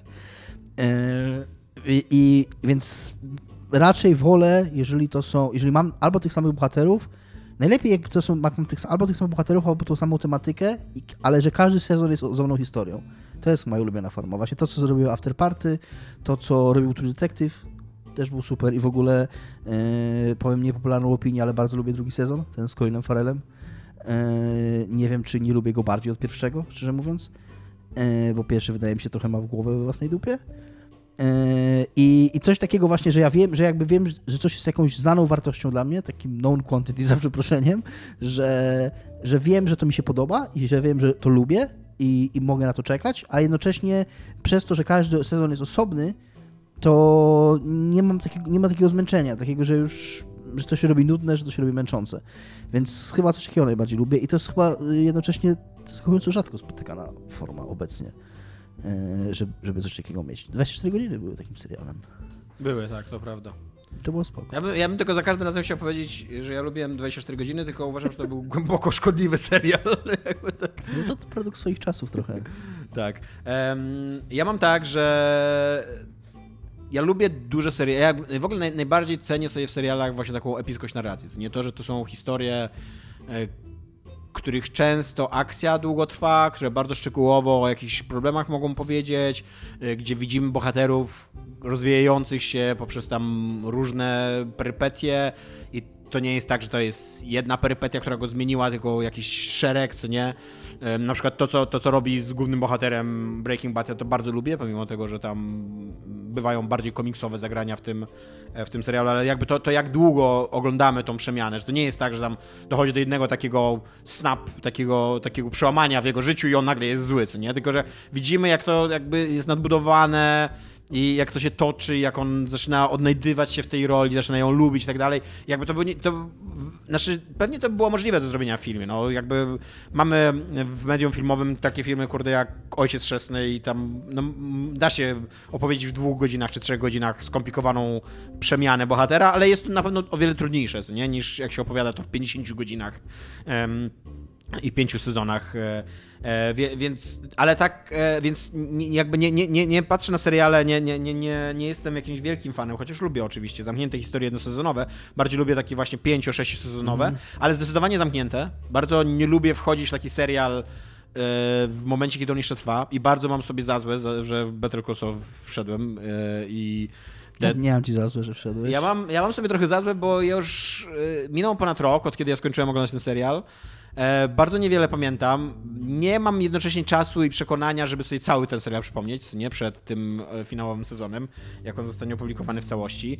E, I mam wrażenie, że sobie trochę wyrządziłem szkodę, że jakbym go obejrzał tak jak oglądałem Breaking Bad, jak on już cały był, albo jak oglądałem The Wire, albo jak teraz The Sopranos oglądam, e, jak on już cały jest, albo jak oglądałem Madmena i tak można wymieniać, to, to jednak mam wrażenie, że zwłaszcza, że Better Call Saul jest wybitnie dobrze realizowany i to bardzo masz takie poczucie, że to jest jedna historia, że ona jest ciągła, że ci bohaterowie się tak bardzo płynnie zmieniają i tak dalej. I boję się, że jak teraz wskoczę nagle do tego Better Call Saul, to się nie będę potrafił odnaleźć, co nie jakby trochę, że, że straciłem tą nadbudowę, którą sobie wybudowałem, co nie? W, okay. w emocjach i umyśle. E, a co, do, a co do konsumpcji, to uwielbiam totalnie, ubóstwiam taki styl. Ja nie lubię binge'ować seriali, ale lubię oglądać jeden odcinek dziennie. Taki, że sobie z Iwoną robimy taki rytuał. I jak na przykład oglądaliśmy w ten sposób The Wire, albo właśnie teraz Sopranos oglądamy, albo Mad Men oglądaliśmy, że masz takie 3 czy 4 miesiące w życiu pod znakiem jakiejś takiej absolutnie fantastycznej opowieści, która, która cię wciąga ca na całego i, i nawet jak nie obejrzysz tego następnego odcinka od razu, to wiesz, że jutro po prostu usiądziesz sobie z żoną, będziecie oglądać, będzie fajnie, przeżywacie to, rozmawiacie, komentujecie e, i to jest zajebiste. Jakby ja już jestem trochę za stary na binge'owanie, jakby czuję trochę, że tracę czas, jak oglądam 4-5 odcinków z rzędu. E, a też często po prostu nie mam tego czasu, żeby tak robić, a jak kiedyś potrafiłem obejrzeć, kurde, 16 odcinków z rzędu, to w ogóle masakra, to, to nie wyobrażam sobie, żeby dzisiaj tak e, e kondycyjnie po prostu wyrobił, co nie? Ale tak, ale więc ta, taki jest mój sposób jakby konsumowania i to sobie najbardziej cenię. Natomiast Dominiku, wspomniałeś, że oglądałeś Slow Horses. Tak. Co myślisz konie. o tym serialu? Jest okej. Okay. Jest to kolejny serial szpiegowski bo ja wszedłem w dziurę historii szpiegowskiej. On jest serialem szpiegowskim, on, on jest o szpiegach. On jest o szpiegach, tak, tak. Tomek mi go polecił na fali mojej... Nie polecam. Powiedziałem nie, ci, że jest o szpiegach. Napisałeś mi, że powinienem oglądać. E, czy jakoś tak. I nie, jest spoko ten serial. E, jest to adaptacja też powieści. E, nie pamiętam teraz autora niestety, więc znowu muszę go dać. I to jest w ogóle seria powieści. Mick, Mick Heron, Mick Heron. się nazywa autor. Jest seria powieści, więc będzie seria seriali, e, seria serii. E, to będzie tak to, co ja lubię, bo będzie każdy sezon osobny. E, jest to sześciodcinkowy serial na HBO, gdzie główną rolę gra Gary Oldman i jakiś inny aktor. Trochę, trochę mnie z zaskoczenia wziąłeś mm, tym pytaniem. Y, Jack Lowden, który strasznie wygląda jak taki inny brytyjski aktor. Y, on mi się takim trochę budżetowym wersją wydaje tego aktora, co z Tomem Cruzem gra często w Mission Impossible. A, tak. Yy... Kurwa, przepraszam. Zapomniałem, że bym o tym serialu gadać i bym sobie pod jakieś okładki... No więc jest to historia e, taka quasi szpiegowska. O, tak. to, jest, to jest Slow Horses, e, to są tacy szpiedzy drugiej kategorii, gorszej kategorii, którzy zostali z jakiegoś powodu wykluczeni z MI5, czyli że z tego... Mm, tego... Przepraszam, Simon Pegg jest tym aktorem. Tak. Właśnie ten, ten, ten główny bohater y, Kulawy Koni mi się kojarzył takim trochę Simon Peggiem z Biedronki, takim trochę... E, I, i, I, oni, oni służą w takim, e, jak, e, jak to główna siedziba nazywa się Regent Park tego wywiadu, to oni służą w Slash House. Czyli... Slow, slow House. Jak? Slow, Slow. Slow. To w ogóle jest taka gra słów, że slow i to slow to jest Aha. nazwa tego tego. Która swoją drogą, tak jak siedziba, do której się wchodzi, tam trzeba prawie drzwi wyważyć, żeby do niej wejść. Wszystko jest takie obskurne i zapiziałe. Byłem jakiś czas temu, nie wiem czy opowiadałem o tym w mm, podcaście, skradziono mi rower przed domu i byłem na policji tutaj we Wrzeszczu na komendzie zgłosić po prostu dla świętego spokoju i dla statystyk, żeby było e, tą kradzież. I ten komisariat na maksa wyglądał może nie aż tak, jak, te, jak ta siedziba ten, ale na maksa miałem takie skojarzenie, że, że tu jakaś prawda jest pokazywana w tym, w tym serialu. Może trafiłeś na taki właśnie gorszy komisariat, może było na ten lepszy, co nie? Na ten Regent Park tutaj wrzeszczański. E, I tak, i jakby mm, to, co się dzieje w tym serialu, to od razu na, jakby na początku zostaje zawiązany taki spisek terrorystyczny w celu zamordowania mm, Brytyjczyka o bardzo tam głębokich pakistańskich korzeniach. On już jest centralnie Brytyjczykiem z urodzenia, wychowanym. Znaczy bardzo głębokie. No jego rodzice są, Jego rodzice, no. są no, imigrantami to z wydaje mi Pakistanu. się, że to głębokie dosyć. Takie dostatecznie, no jakby jest urodzony w Londynie. z- E, I on zostaje porwany przez taką, też taką grupę neonazistów, którzy próbują tam walczyć o czystość krwi brytyjskiej. Em, I ten sla, Slaughterhouse, tak? Slaughhouse, Slau- Slaughhouse. Em, ten Slaughhouse trafia przez przypadek, znaczy nie, nie przez przypadek do końca, trafiają na, na informacje na temat tego spisku i tam oczywiście okazuje się, że to jest jak każdej szpiegowskiej intrydze, że to jest wielopiętrowa... Spisek spisków, spisku, tak, spisek tak. spisku i, i, i tak dalej. I główną rolę tam gra, tak jak Dominik wspomniał, Gary Oldman, który stara się odejść od tej swojej roli ze szpiega, z Tinker Tailor Soldier Spy, w którym grał Smileya e, i jakby stara się być inny, On jest, jest dosyć tam- obrzydliwy. On jest tam takim y, mm, szefem tego właśnie, tego Slaughhouse, tego, tego oddziału, gdzie szpiedzy MI6, MI5 idą, by umrzeć. Y, I, I on ma takie ewidentnie podejście, że on nie chce, żeby było cokolwiek robione w jego, w jego y, wydziale, że każdy ma odmębniać swoje tam dupogodziny i, i, i, i udawać w cudzysłowie, że pracuje, ale że y, jest takim strasznie no, obibokiem, pijakiem i takim właśnie white, fight, nie fight łapą, takim, no takim obrzydliwym ty- Jego e, taki running joke to jest to, że pierdzi. No, tam, Że pierdzi, tak, tak, tak, I mówi o kupie. Tak, tak. No jest dosyć obrzydliwy. E, jest to serial, e, ja mam tak, który przez trzy pierwsze odcinki jest, sprawia bardzo dobre wrażenie i bardzo tak, Tak, składa ci takie dokładnie. obietnice, że będzie właśnie takim powolnym, spokojnym, przemyślaną historią szpiegowsko, taką terrorystyczną. tak, nawet, nawet mu to nie wychodził mu jakoś to może wybitnie, ale to balansowanie pomiędzy dramatem a komedią, bo on jest, ma takie inklinacje komediowe dosyć, dosyć mocne, to nawet wychodzi, to nawet się klei, jakby udaje mu się to sprzedać. Tylko no, tak jak A później się rozpada. A potem się rozpada. Tak, no. e, bo w pewnym momencie dochodzi do takiego zwrotu akcji, że już mniej więcej wiemy, kto, kto dla kogo gra i komu o co chodzi. E, I dochodzi do takich zupełnie benechilowskich w ogóle motywów, o, że bohaterowie jeżdżą po Wielkiej Brytanii w tej we w te, e, jak jacyś popieprzeni trochę, dostają jakieś złe informacje, więc czasem się muszą wracać, czasem im się samochód zepsuje.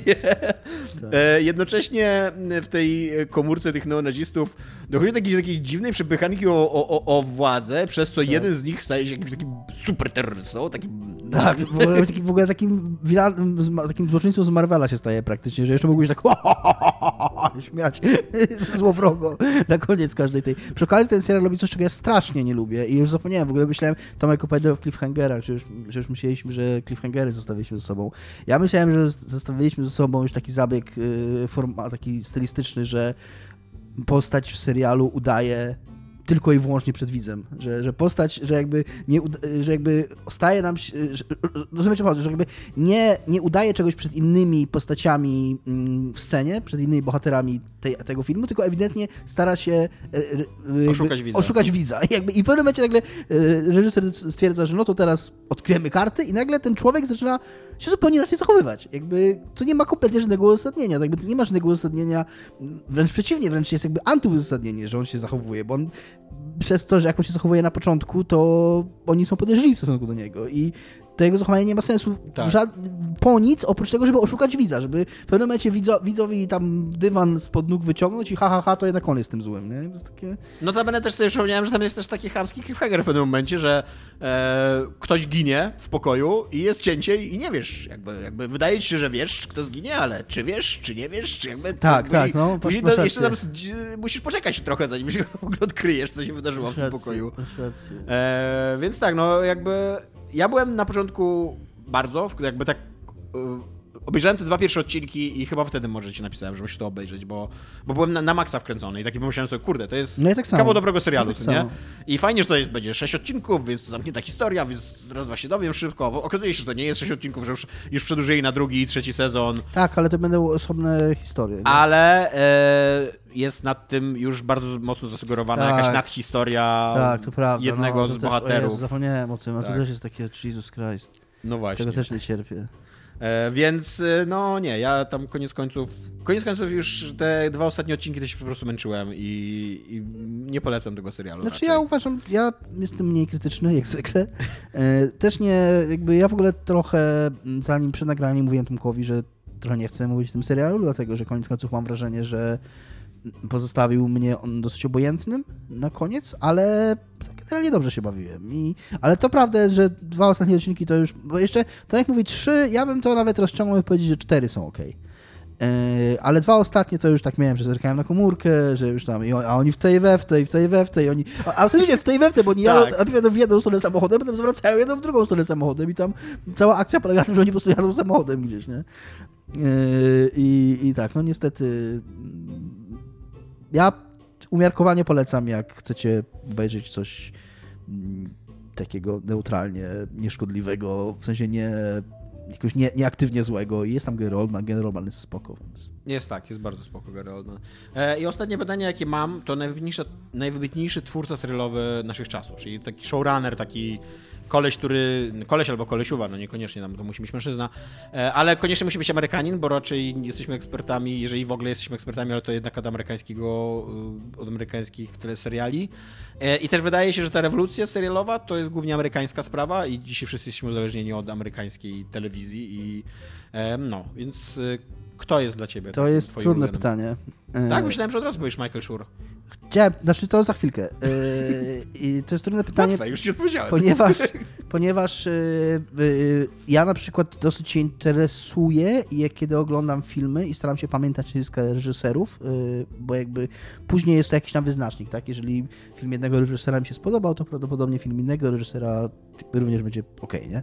E, W przypadku seriali jest to o tyle trudniejsze, że jednak seriale są przez to, jak szybko muszą być produkowane i jak dużo tego w cudzysłowie kontentu trzeba zrealizować i nakręcić, są bardzo taką kolaboracyjną, takim kolaboracyjnym przedsięwzięciem, za przeproszeniem, czyli w produkcji uczestniczy tam iluś tam reżyserów i ten serial, ta wizja serialu koniec końców jest jakąś wypadkową tak naprawdę mm, pomysłów i wrażliwości No poszczególnych tak, ale twórców jakby każdy serial ma swojego... ma swojego showrunnera, ale jakby który- zmierzam do tego, że jakby nie czuję aż takiego, jest bardzo niewielu showrunnerów, o których tak myślę, że, yy, że są jakimś wyznacznikiem yy, tonu serialu i, i ten. I jakby absolutnie uwielbiam twórczość Michaela Shura. Jest jednym z takich właśnie nielicznych e, showrunnerów, którzy bardzo, po których bardzo widać styl. To jest człowiek, który zaczynał w The Office, po The Office stworzył Parks and Recreation, z Brooklyn Nine-Nine i The Good Place, czyli Dobre Miejsce. To są takie trzy jego najważniejsze seriale po The Office.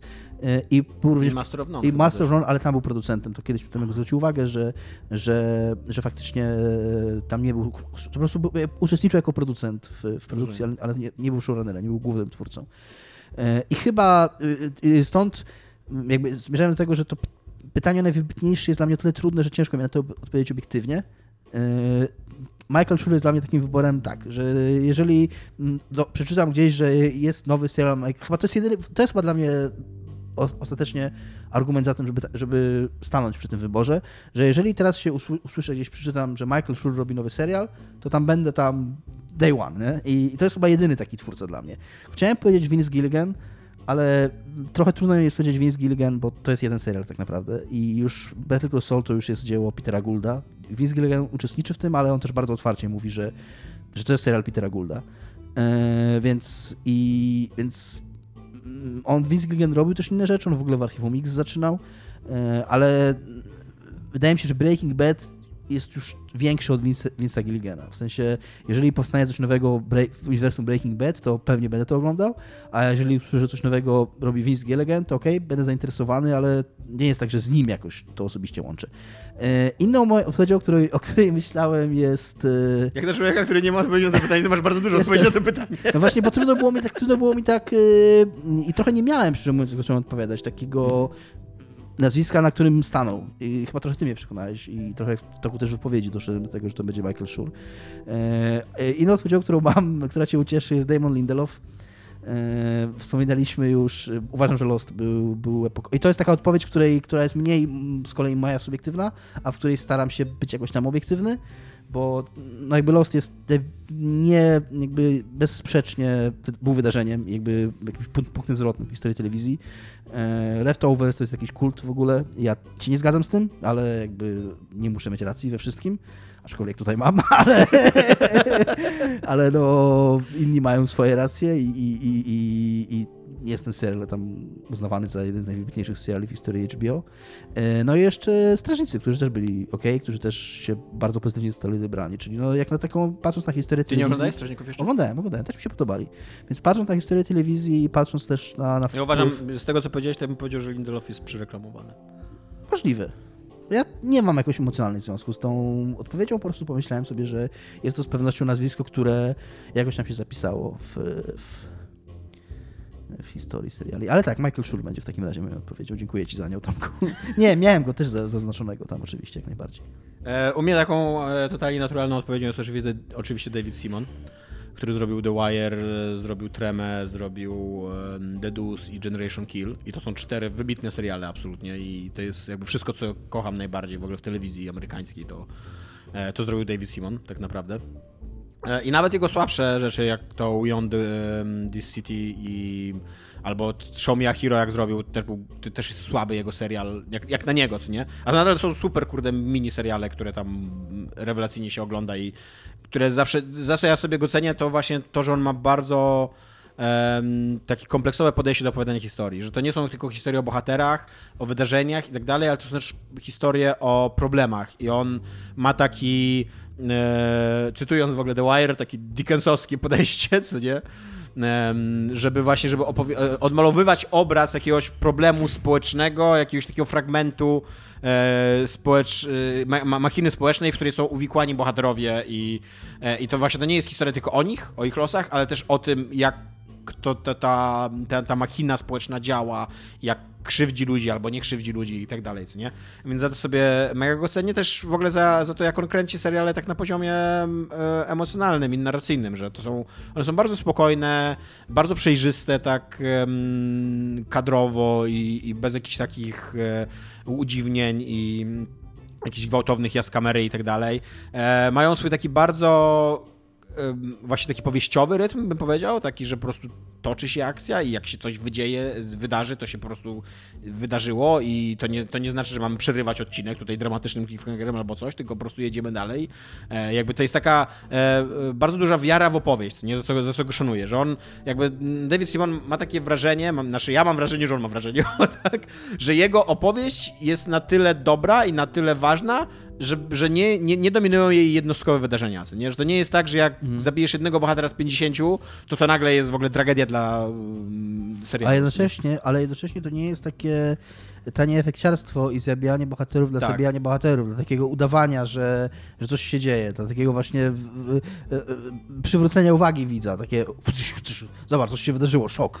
Tak, tak. Ale właśnie, ale to, jakby, bo to przede wszystkim zabijanie bohaterów to The Wire jest tego słynne, nie? Że, bo, bo The Wire jest po prostu taką historią. The Wire jest historią o kolesiach, którzy żyją na ulicy, żyją z zorganizowanej przestępczości, mordują się między sobą, a do tego są jeszcze ścigani przez policję, nie? I jakby śmierć jest nieodzowną częścią ich życia i tego doświadczenia jakby życia na ulicy, co nie?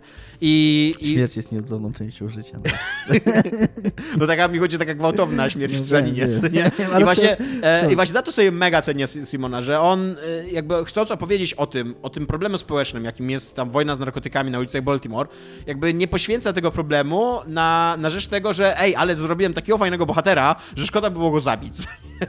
jakby, że, że widzowie go uwielbiają, nie zabijemy go, co nie? Tylko będziemy mm, tam, wiesz, różne sztuczki i tam on będzie przeskakiwał przez płonącą obręczę, ale ha, ha, ha, ale, ale zdobędzie sympatię widzów, co nie? No nie, nie, jakby nie o to mu chodzi w tych serialach, co nie?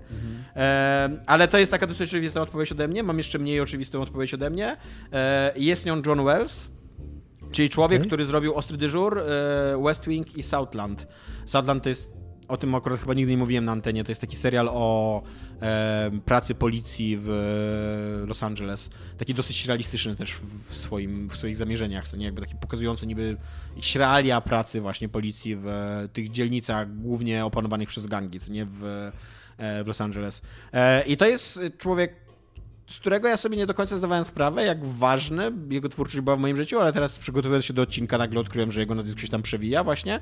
No i West Wing jest bardzo ważnym serialem dla mnie. Ostry dyżur, to nawet mówiłem, to jest Southland też, też jest rewelacja. On jeszcze zrobił tam e, Watch, e, jeszcze coś tam zrobił. Jakby on ma takie bardzo em, takie jakby jego, jego, jego styl to jest e, takie realistyczne opowieści o służbie publicznej, nie? O jej oblaskach i cieniach służby publicznej, nie? E, I mm, z jednej strony taki bardzo duży szacunek dla procedur, dla tego jak wygląda, jak, jak, jakiegoś takiego realizmu, ale z drugiej strony jest trochę takiego um, Sorkinow, Sorkinowego, że, że tak powiem, takiego... Um, takiej błyskotliwości dialogowej, takiego przerzucania się one-linerami i tak dalej, nie? Ja to lubię, mnie to kupuję, jakby to też chyba nie jest przypadek, że on z Sorkinem jakby pracował przy West Wings, nie?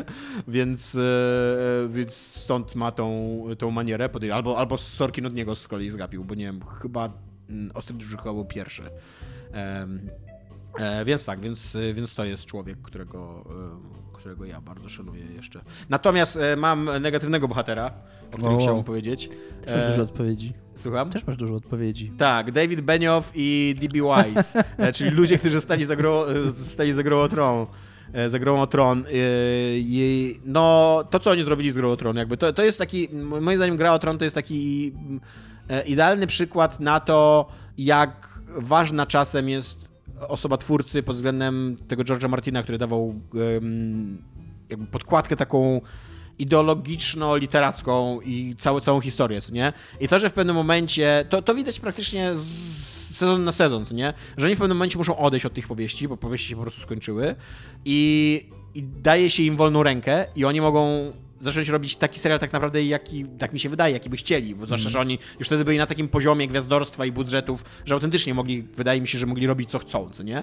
E, no i to pokazało, że oni po prostu chcieli zrobić kiepski serial, nie? I, I ich szczęście w życiu polegało na tym, że trafili e, na twórczość Martina, który na początku, dopóki jeszcze byli wierni tej twórczości, nie pozwalał im zrobić tego serialu kiepskim, takim jak by chcieli, co nie? Ale to jak szybko oni porzucili ten właśnie taki realistyczny, systemowe podejście Martina na rzecz właśnie takiego taniego, opartego na bohaterach i na zwrotach akcji, um, takiego heroic fantazy prawie, że, co nie? No to to była w ogóle tragedia i, i bardzo mi szkoda, bo Gra o Tron, ja uważam, że te pierwsze sezony, 4-5 sezonów Gry o Tron, to jest autentycznie wybitna telewizja i że to, e, to bardzo dużo dobrego zrobiło dla nerdozy na całym świecie, co nie? I wprowadziło, i też dla w ogóle gatunku fantazy, nie? Dla takiego dorosłego fantazy. Też pokazało jakby, że można opowiadać takie dorosłe fantazy za, za, za, duże, za duże pieniądze też w telewizji. I chyba ten nowy Władca Pierścieni taki będzie, mam nadzieję. Eee, no i, i tylko po to, żeby kurde go zarżnęli na końcu. I jakby to jest taki, to jest autentycznie serial, który sam się je przekreślił, co nie? Jakby ten, ten ostatni sezon jest tak zły, że razem, razem z zakończeniem ostatniego sezonu całkowicie w ogóle skończyła się dyskusja o tym serialu. Jakby to wszystko, tak, no. okej, okay, jakby to, jest tak. to się wydarzyło, ale na raz. To jest prawda, to jest prawda. Jak w ogóle był hype na o Tron, po czym nagle takie no dobra. Tak, tak jak w, trochę, no, jak tym, trochę tak jak w e, zakończeniu Truman Show, nie? Tak, okay, okay, tak. dobra, co, teraz, co, co, co, jest na innym kanale? Muszę w końcu się przekonać i spróbować jeszcze raz obejrzeć, bo mam wrażenie, że mnie coś minęło w historii telewizji. Jest, no, bardzo przez mniej więcej połowę to jest autentycznie rewelacyjny serial. Taki to ma 8 sezonów aż? Tak. Oh, Jesus. bardzo zasłużone 9, 10 na 10, nie? Więc, e, więc no, bardzo polecam. Jakby ja też miałem e, długo wątpliwości co do gry o Tron, też do niej nie podchodziłem, ale jak już podszedłem, to stwierdziłem, że dobra, jednak ludzie mieli rację. Znaczy ja podszedłem, ale mm, no, odbiłem się. Też to było dosyć dawno temu. Wydaje mi się, że być może moja wrażliwość się trochę zmieniła od tamtego czasu i, i może powinienem spróbować raz jeszcze. Na plus jesteś też bardziej wrażliwy czy mniej wrażliwy? Inaczej wrażliwy.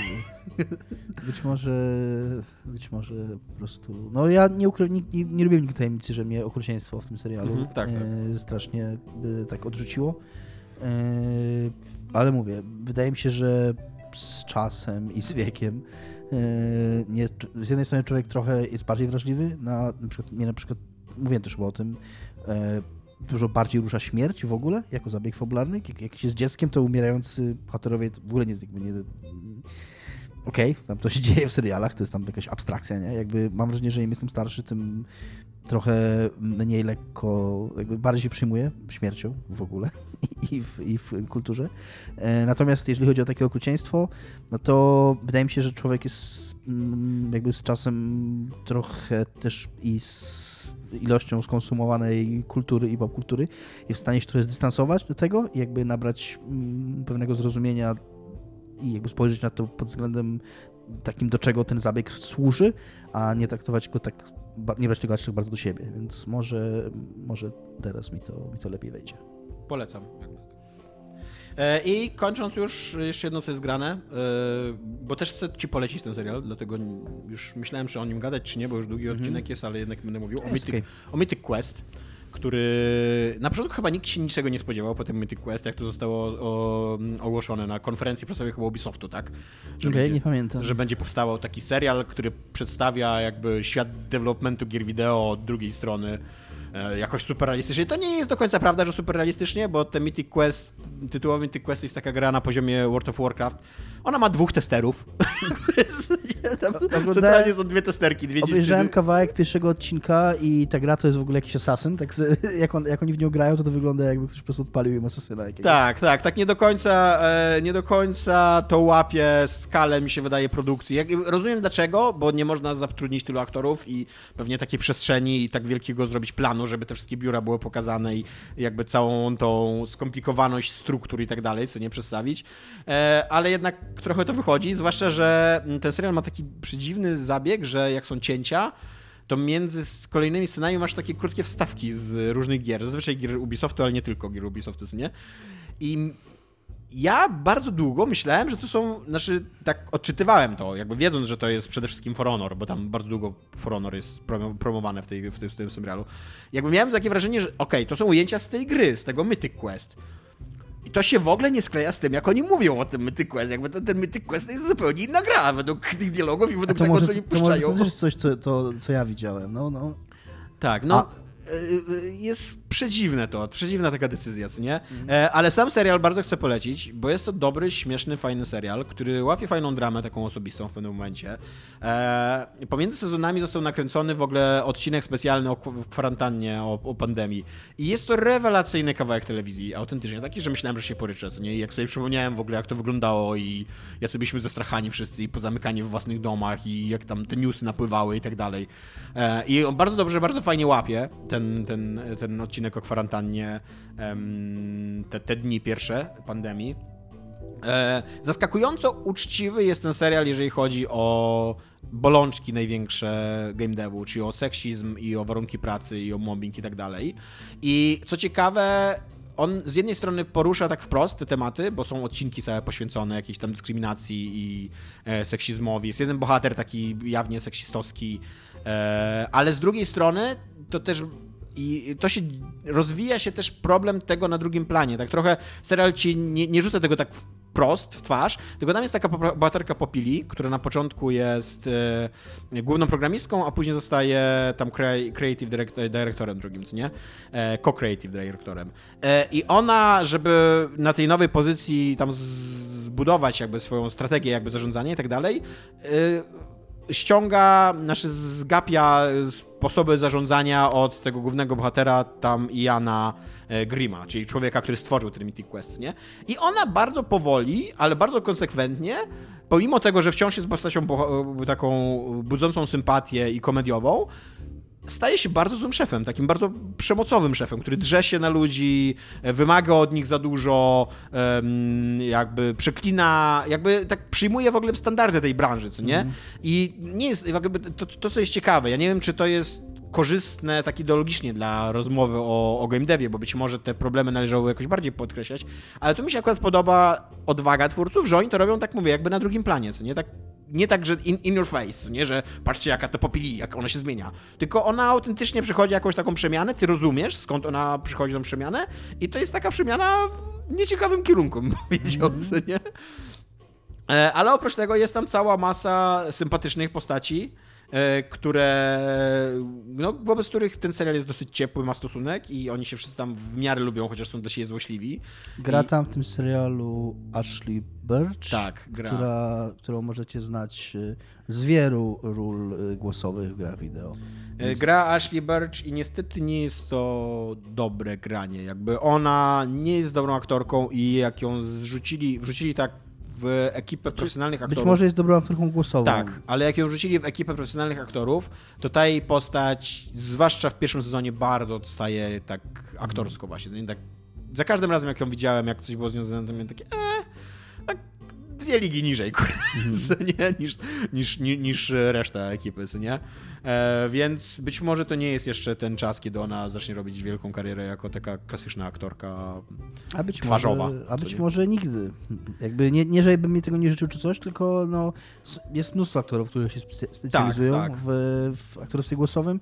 Wydaje mi się, że ją wzięto do tego serialu ze względu na właśnie jej związek bezpośredni z grami wideo tak. i tak, żeby też przyciągnąć fanów i to jest spoko ogólnie, ale to tak jak mówisz, być może to nie jest też coś, co ona może koniecznie jakoś tam super chce robić. Jest też ten główny bohater, ten Ian Grimm, czyli właśnie tam creative director tego Mythic Quest, który jest prześmieszny i, e, i on jest super satyrą na, na właśnie taki seksizm i maczyzm i męskość game devu, co nie, że on, musi mieć zawsze rację, on jest super charyzmatyczny, on w ogóle wszystkie decyzje podejmuje instynktownie, nie? jakby tam nie ma absolutnie żadnych dylematów, żeby skreślić tam 3-4 tygodnie czyjejś pracy, bo on miał inne przeczucie i tak dalej.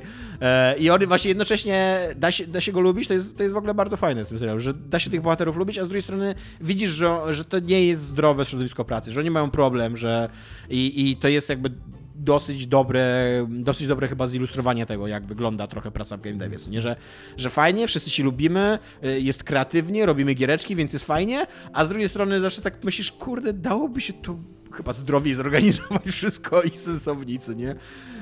I jeszcze co jest ciekawe w strukturze tych odcinków, to że każdy z sezonów ma w środku odcinek specjalny i który jest taką fabularną, niezależną całością, e, która się dopiero w jakiś tam sposób się wkomponowuje w cały, cały taki story arc, co nie serialu, hmm. Ale można go praktycznie mm, oddzielnie oglądać do tego stopnia, że w pierwszym sezonie ten odcinek specjalny jest w ogóle opowiada historię zupełnie innych ludzi, zupełnie innej okay. gry. I dopiero tam po czasie się okazuje, jak to się wplątuje, co nie, w tą główną.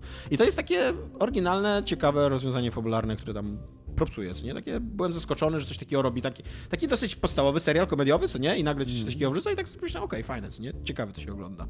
E, no, więc tak, więc e, Mythic Quest e, polecam, fajny serial, śmieszny, zabawny.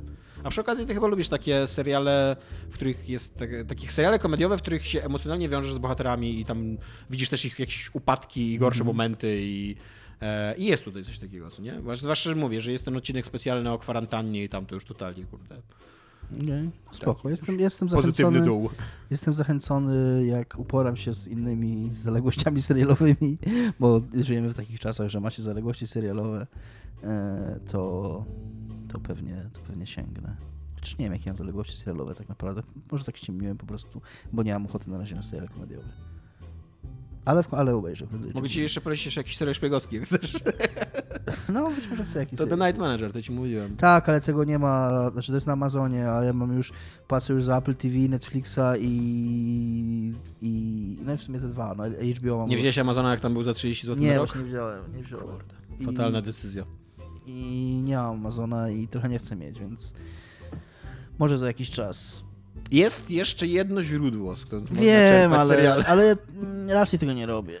Już jakby to, to nawet nie dlatego, że jakoś mi to jestem moralnie mam tak, obiekcje, tak. ale dlatego, że wymaga dużo pracy, dużo wysiłku. Słuchajcie, dużo wysiłku, a po drugie jest tak dużo tego kontentu, do którego mam tak, dostęp. To prawda. Y, że jakby mogę oglądać coś Ale innego. ja się teraz autentycznie zastanawiam, a propos jeszcze kończąc ten wątek, który się przywijał przez cały serial tłumaczeń HBO, czy nie piracić The Sopranos z napisami z internetu, bo kurde, aż mnie to boli, co, tam się dzieje w tych napisach. No. no. Dobra, no dobra, to był 363 e, odcinek podcastu Niezatapialnie. Pamiętajcie, że Iga ma dzisiaj urodziny, więc jeżeli słuchacie nas w poniedziałek, który jest czwartkiem, to złóżcie jej życzenia ładnie w komentarzach. Tak. Cześć. Cześć.